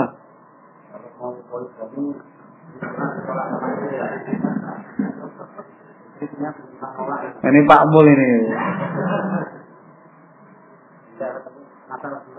Gimana? Sebenarnya itu sudah pernah dialami Rasulullah. Ini pertanyaan dari Pak Mul ini ya. Pak Mul dari Pangkalan pun biar jelas ini. Nasional loh yang mendengarnya Pak Mul. Ya, Bu Mul ikut dengar nanti. Kata Pak Mul ada satu satu apa? Kita mau poligami ini lalu kemudian ditentang sama istri atau misalkan tidak disetujui oleh istri. Rasulullah pernah waktu melamar Ummu Salamah? Ingat nggak? Ummu Salamah sahabat sahabiat Nabi, suaminya meninggal dunia Abu Salamah. Padahal ini kan orang-orang pertama hijrah Habasyah, dua kali hijrah. Kan itu. Ummu Salamah pengen nangis, nangis-nangisnya. Pokoknya saya pengen nangis, tangisan yang tidak pernah dikenal oleh sejarah, saking pengen nangis sekali. Tapi kemudian ingat sabda Nabi, Nabi mengatakan, barang siapa diuji, kemudian dia berdoa, Allahumma jurni fi musibati, wa li khairan minha. Ya Allah berikanlah pahala untukku atas musibah yang aku alami. Kemudian berikanlah ganti yang terbaik untukku. Allah akan berikan ganti yang terbaik. Langsung dibaca doa itu oleh Ummu Salamah. Tapi berpikir, yang lebih baik dari Abu Salamah itu siapa? Gak ada laki-laki yang lebih baik dari Abu Salamah menurut Ummu Salamah waktu itu radhiyallahu anhu radhiyallahu anha. Ternyata setelah masa idahnya selesai, yang melamar siapa? Rasulullah. Ini jelas lebih baik daripada Abu Salamah. Mau dipoligami Tapi alasan Ummu Salamah apa? Waktu itu disampaikan kepada Nabi Muhammad. Ya Rasulullah, saya ini punya anak. Dan saya ini pencemburu. Bodoh Pak Mun. Tanggungannya banyak. Kata Nabi Muhammad, kalau masalah anak-anak tanggungan, Allah Maha Kaya. Kan itu. Kalau masalah pencemburu, ya memang seperti itu. Dan bedanya bukan di istrinya Pak Mul, di Pak Mulnya. Kalau Rasulullah Shallallahu Alaihi Wasallam mampu meredam cemburu-cemburu itu, mampu mendidik istri-istri beliau untuk kemudian bisa menerima poligami, kita yang belum bisa mendidik istri untuk menerima poligami itu. Jadi ada Pak Mul jawabannya. Ada lagi Pak Mul? Sudah cukup ya, cukup, cukup. Masalah pekerjaan, profesi segala macam cukup, cukup sudah. Udah ya? Nah, udah. Artinya sekarang kesimpulan yang ingin saya sampaikan dari beberapa poin tadi. Kan beberapa poin tadi saya sampaikan itu cuma konteksnya kan cerita-cerita. Tapi itu kan sejarah Nabi, sirah Nabawiyah. Yang ingin saya sampaikan kepada panjenengan semua hadirin yang hadir saat ini. Yang ingin saya sampaikan, kita itu tidak punya alasan untuk tidak sabar.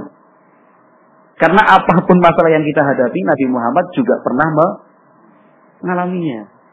Coba diulang-ulang lagi lah apa, diingat-ingat lagi masalahnya apa lagi nih Pak Mul? Apa nih Pak Mandri?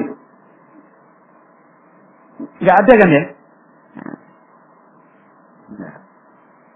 Subhanallah.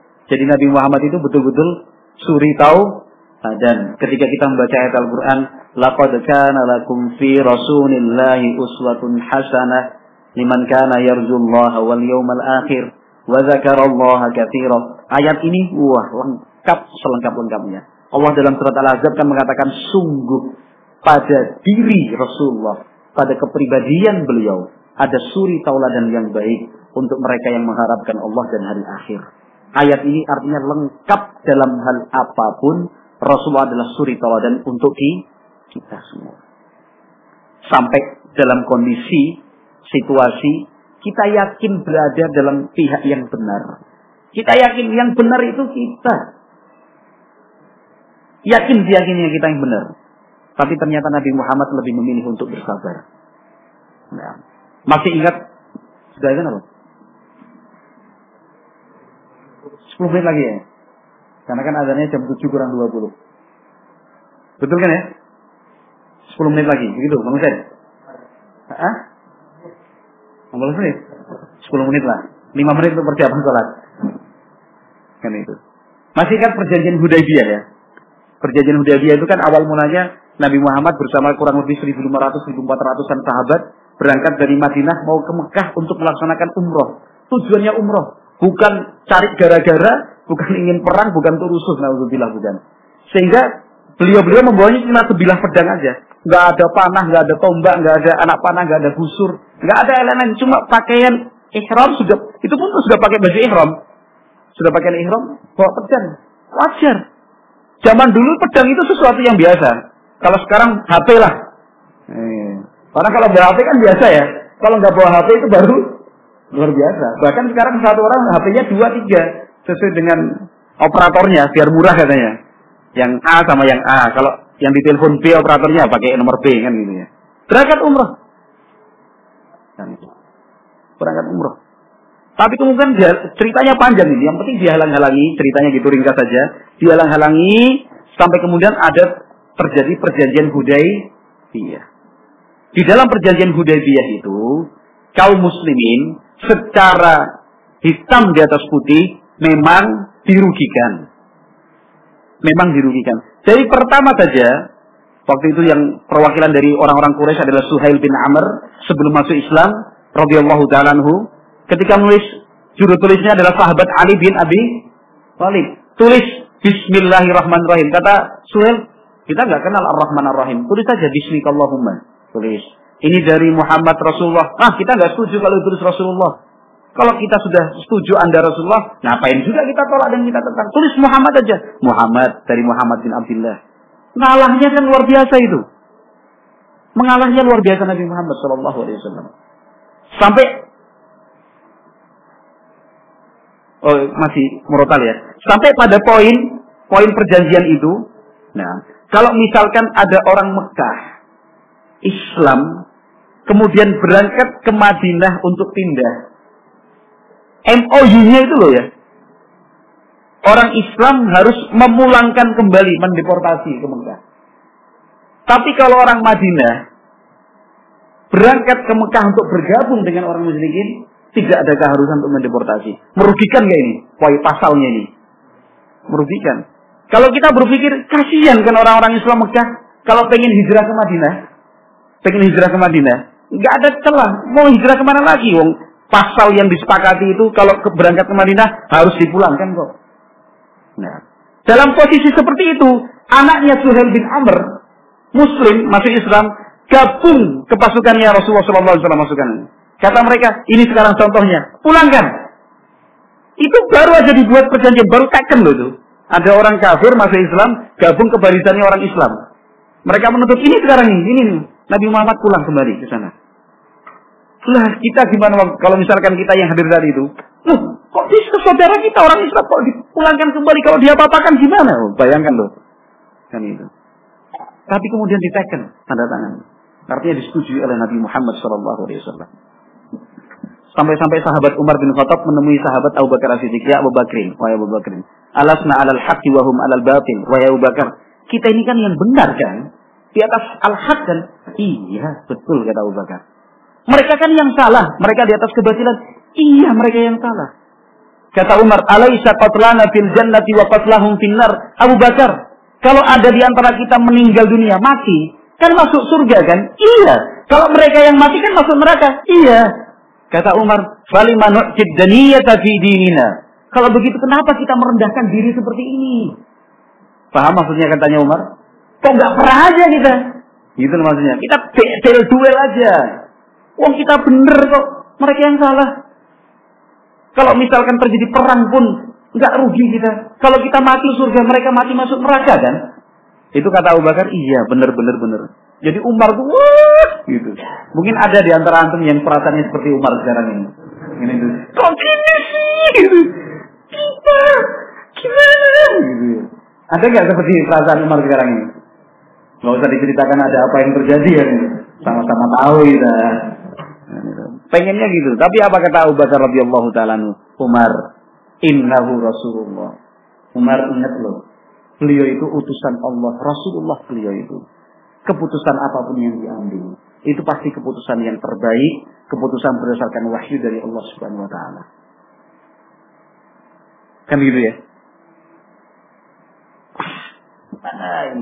Hal yang sama juga disampaikan Umar ternyata kepada Rasul Shallallahu Alaihi Wasallam. Umar kan termasuk yang berani untuk berbicara langsung kepada Nabi Shallallahu Alaihi Wasallam. Sama juga yang disampaikan kepada Nabi Muhammad. Ya Rasulullah, kita kan benar. Iya, kata Rasulullah benar.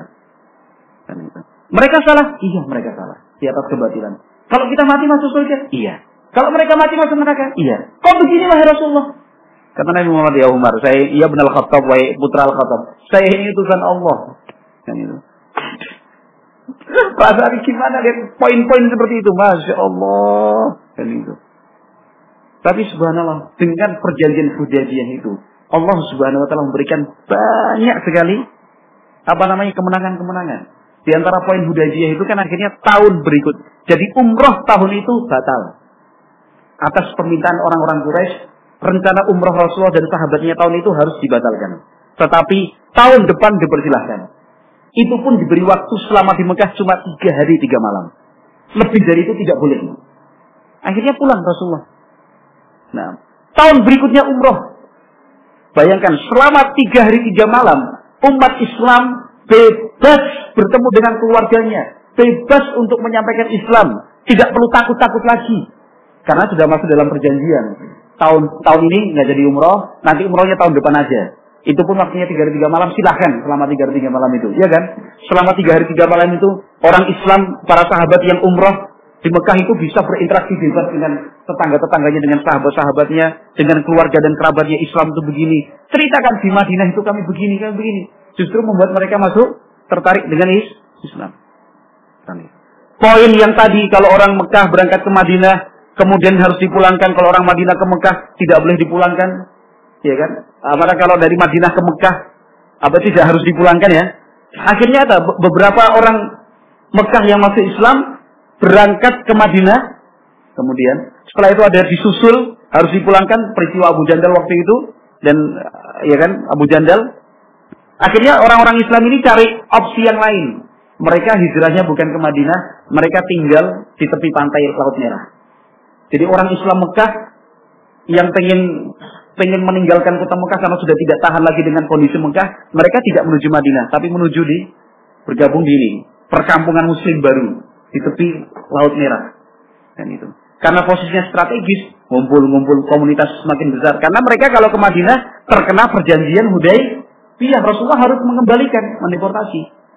Setelah tambah banyak tambah banyak, ini sekarang mulai mengganggu, mengganggu apa namanya jalur perdagangan orang-orang Quraisy. Orang Quraisy kalau berdagang ke Syam itu pasti lewat jalur tepi Laut Merah ini. Sejak orang-orang Muslim berkumpul sana sahabat-sahabat Nabi itu sering diganggu, sering diganggu, sering diganggu. Sampai akhirnya orang-orang Mekah sendiri yang mengemis kepada Rasulullah untuk menghapus poin tadi ya sudah Rasulullah poin itu tadi dihapus saja. Sudah silahkan Anda terima orang-orang muslim Mekah. Yang penting jangan tinggal menetap di tepi laut Ini setelah dibatalkan poin. Yang membatalkan poin itu siapa? Siapa yang batalkan? Orang-orang Quraisy sendiri. Batal poinnya. Sahabat-sahabat yang sebelumnya ada di tepi Laut Merah bergabung di Madinah. Masya Allah. Terus begitu sampai terjadi Fatah Mekah, penaklukan kota Mekah. Kota Mekah itu ditakluk. Ceritanya panjang, silahkan baca sendiri. Jangan ngandalin ustadznya aja. Kalau diceritain enak, kalau baca cepet ngantuk, cepet matanya. Kalau baca komik nggak habis, kalau baca in, apa internet online nggak ngantuk sampai jam 2 malam, jam 3 malam. Apalagi yang bisnis online, jam 3, jam 4 nggak ngantuk. Kalau baca sirah Nabi, sedikit. Uh, cepat gitu. Ah, itu gangguan setan tuh. Auzubillahiminasyaitonirrajim mestinya. Yang jelas, yang ingin saya sampaikan pada sesi kedua ini antara Maghrib Isya, masalah dan problematika apa pun yang kita hadapi sekarang, baik dunia, apalagi terkait dengan dakwah, ingatlah selalu bahwa Rasulullah pun pernah mengalaminya. Tapi beliau bersabar, adapun kita yang harus meningkatkan kualitas kita. Wallahu a'lam bishawab, mudah-mudahan bermanfaat. Subhanakallahumma wa bihamdika asyhadu an la ilaha illa anta astaghfiruka wa atubu ilaik. Assalamualaikum warahmatullahi wabarakatuh.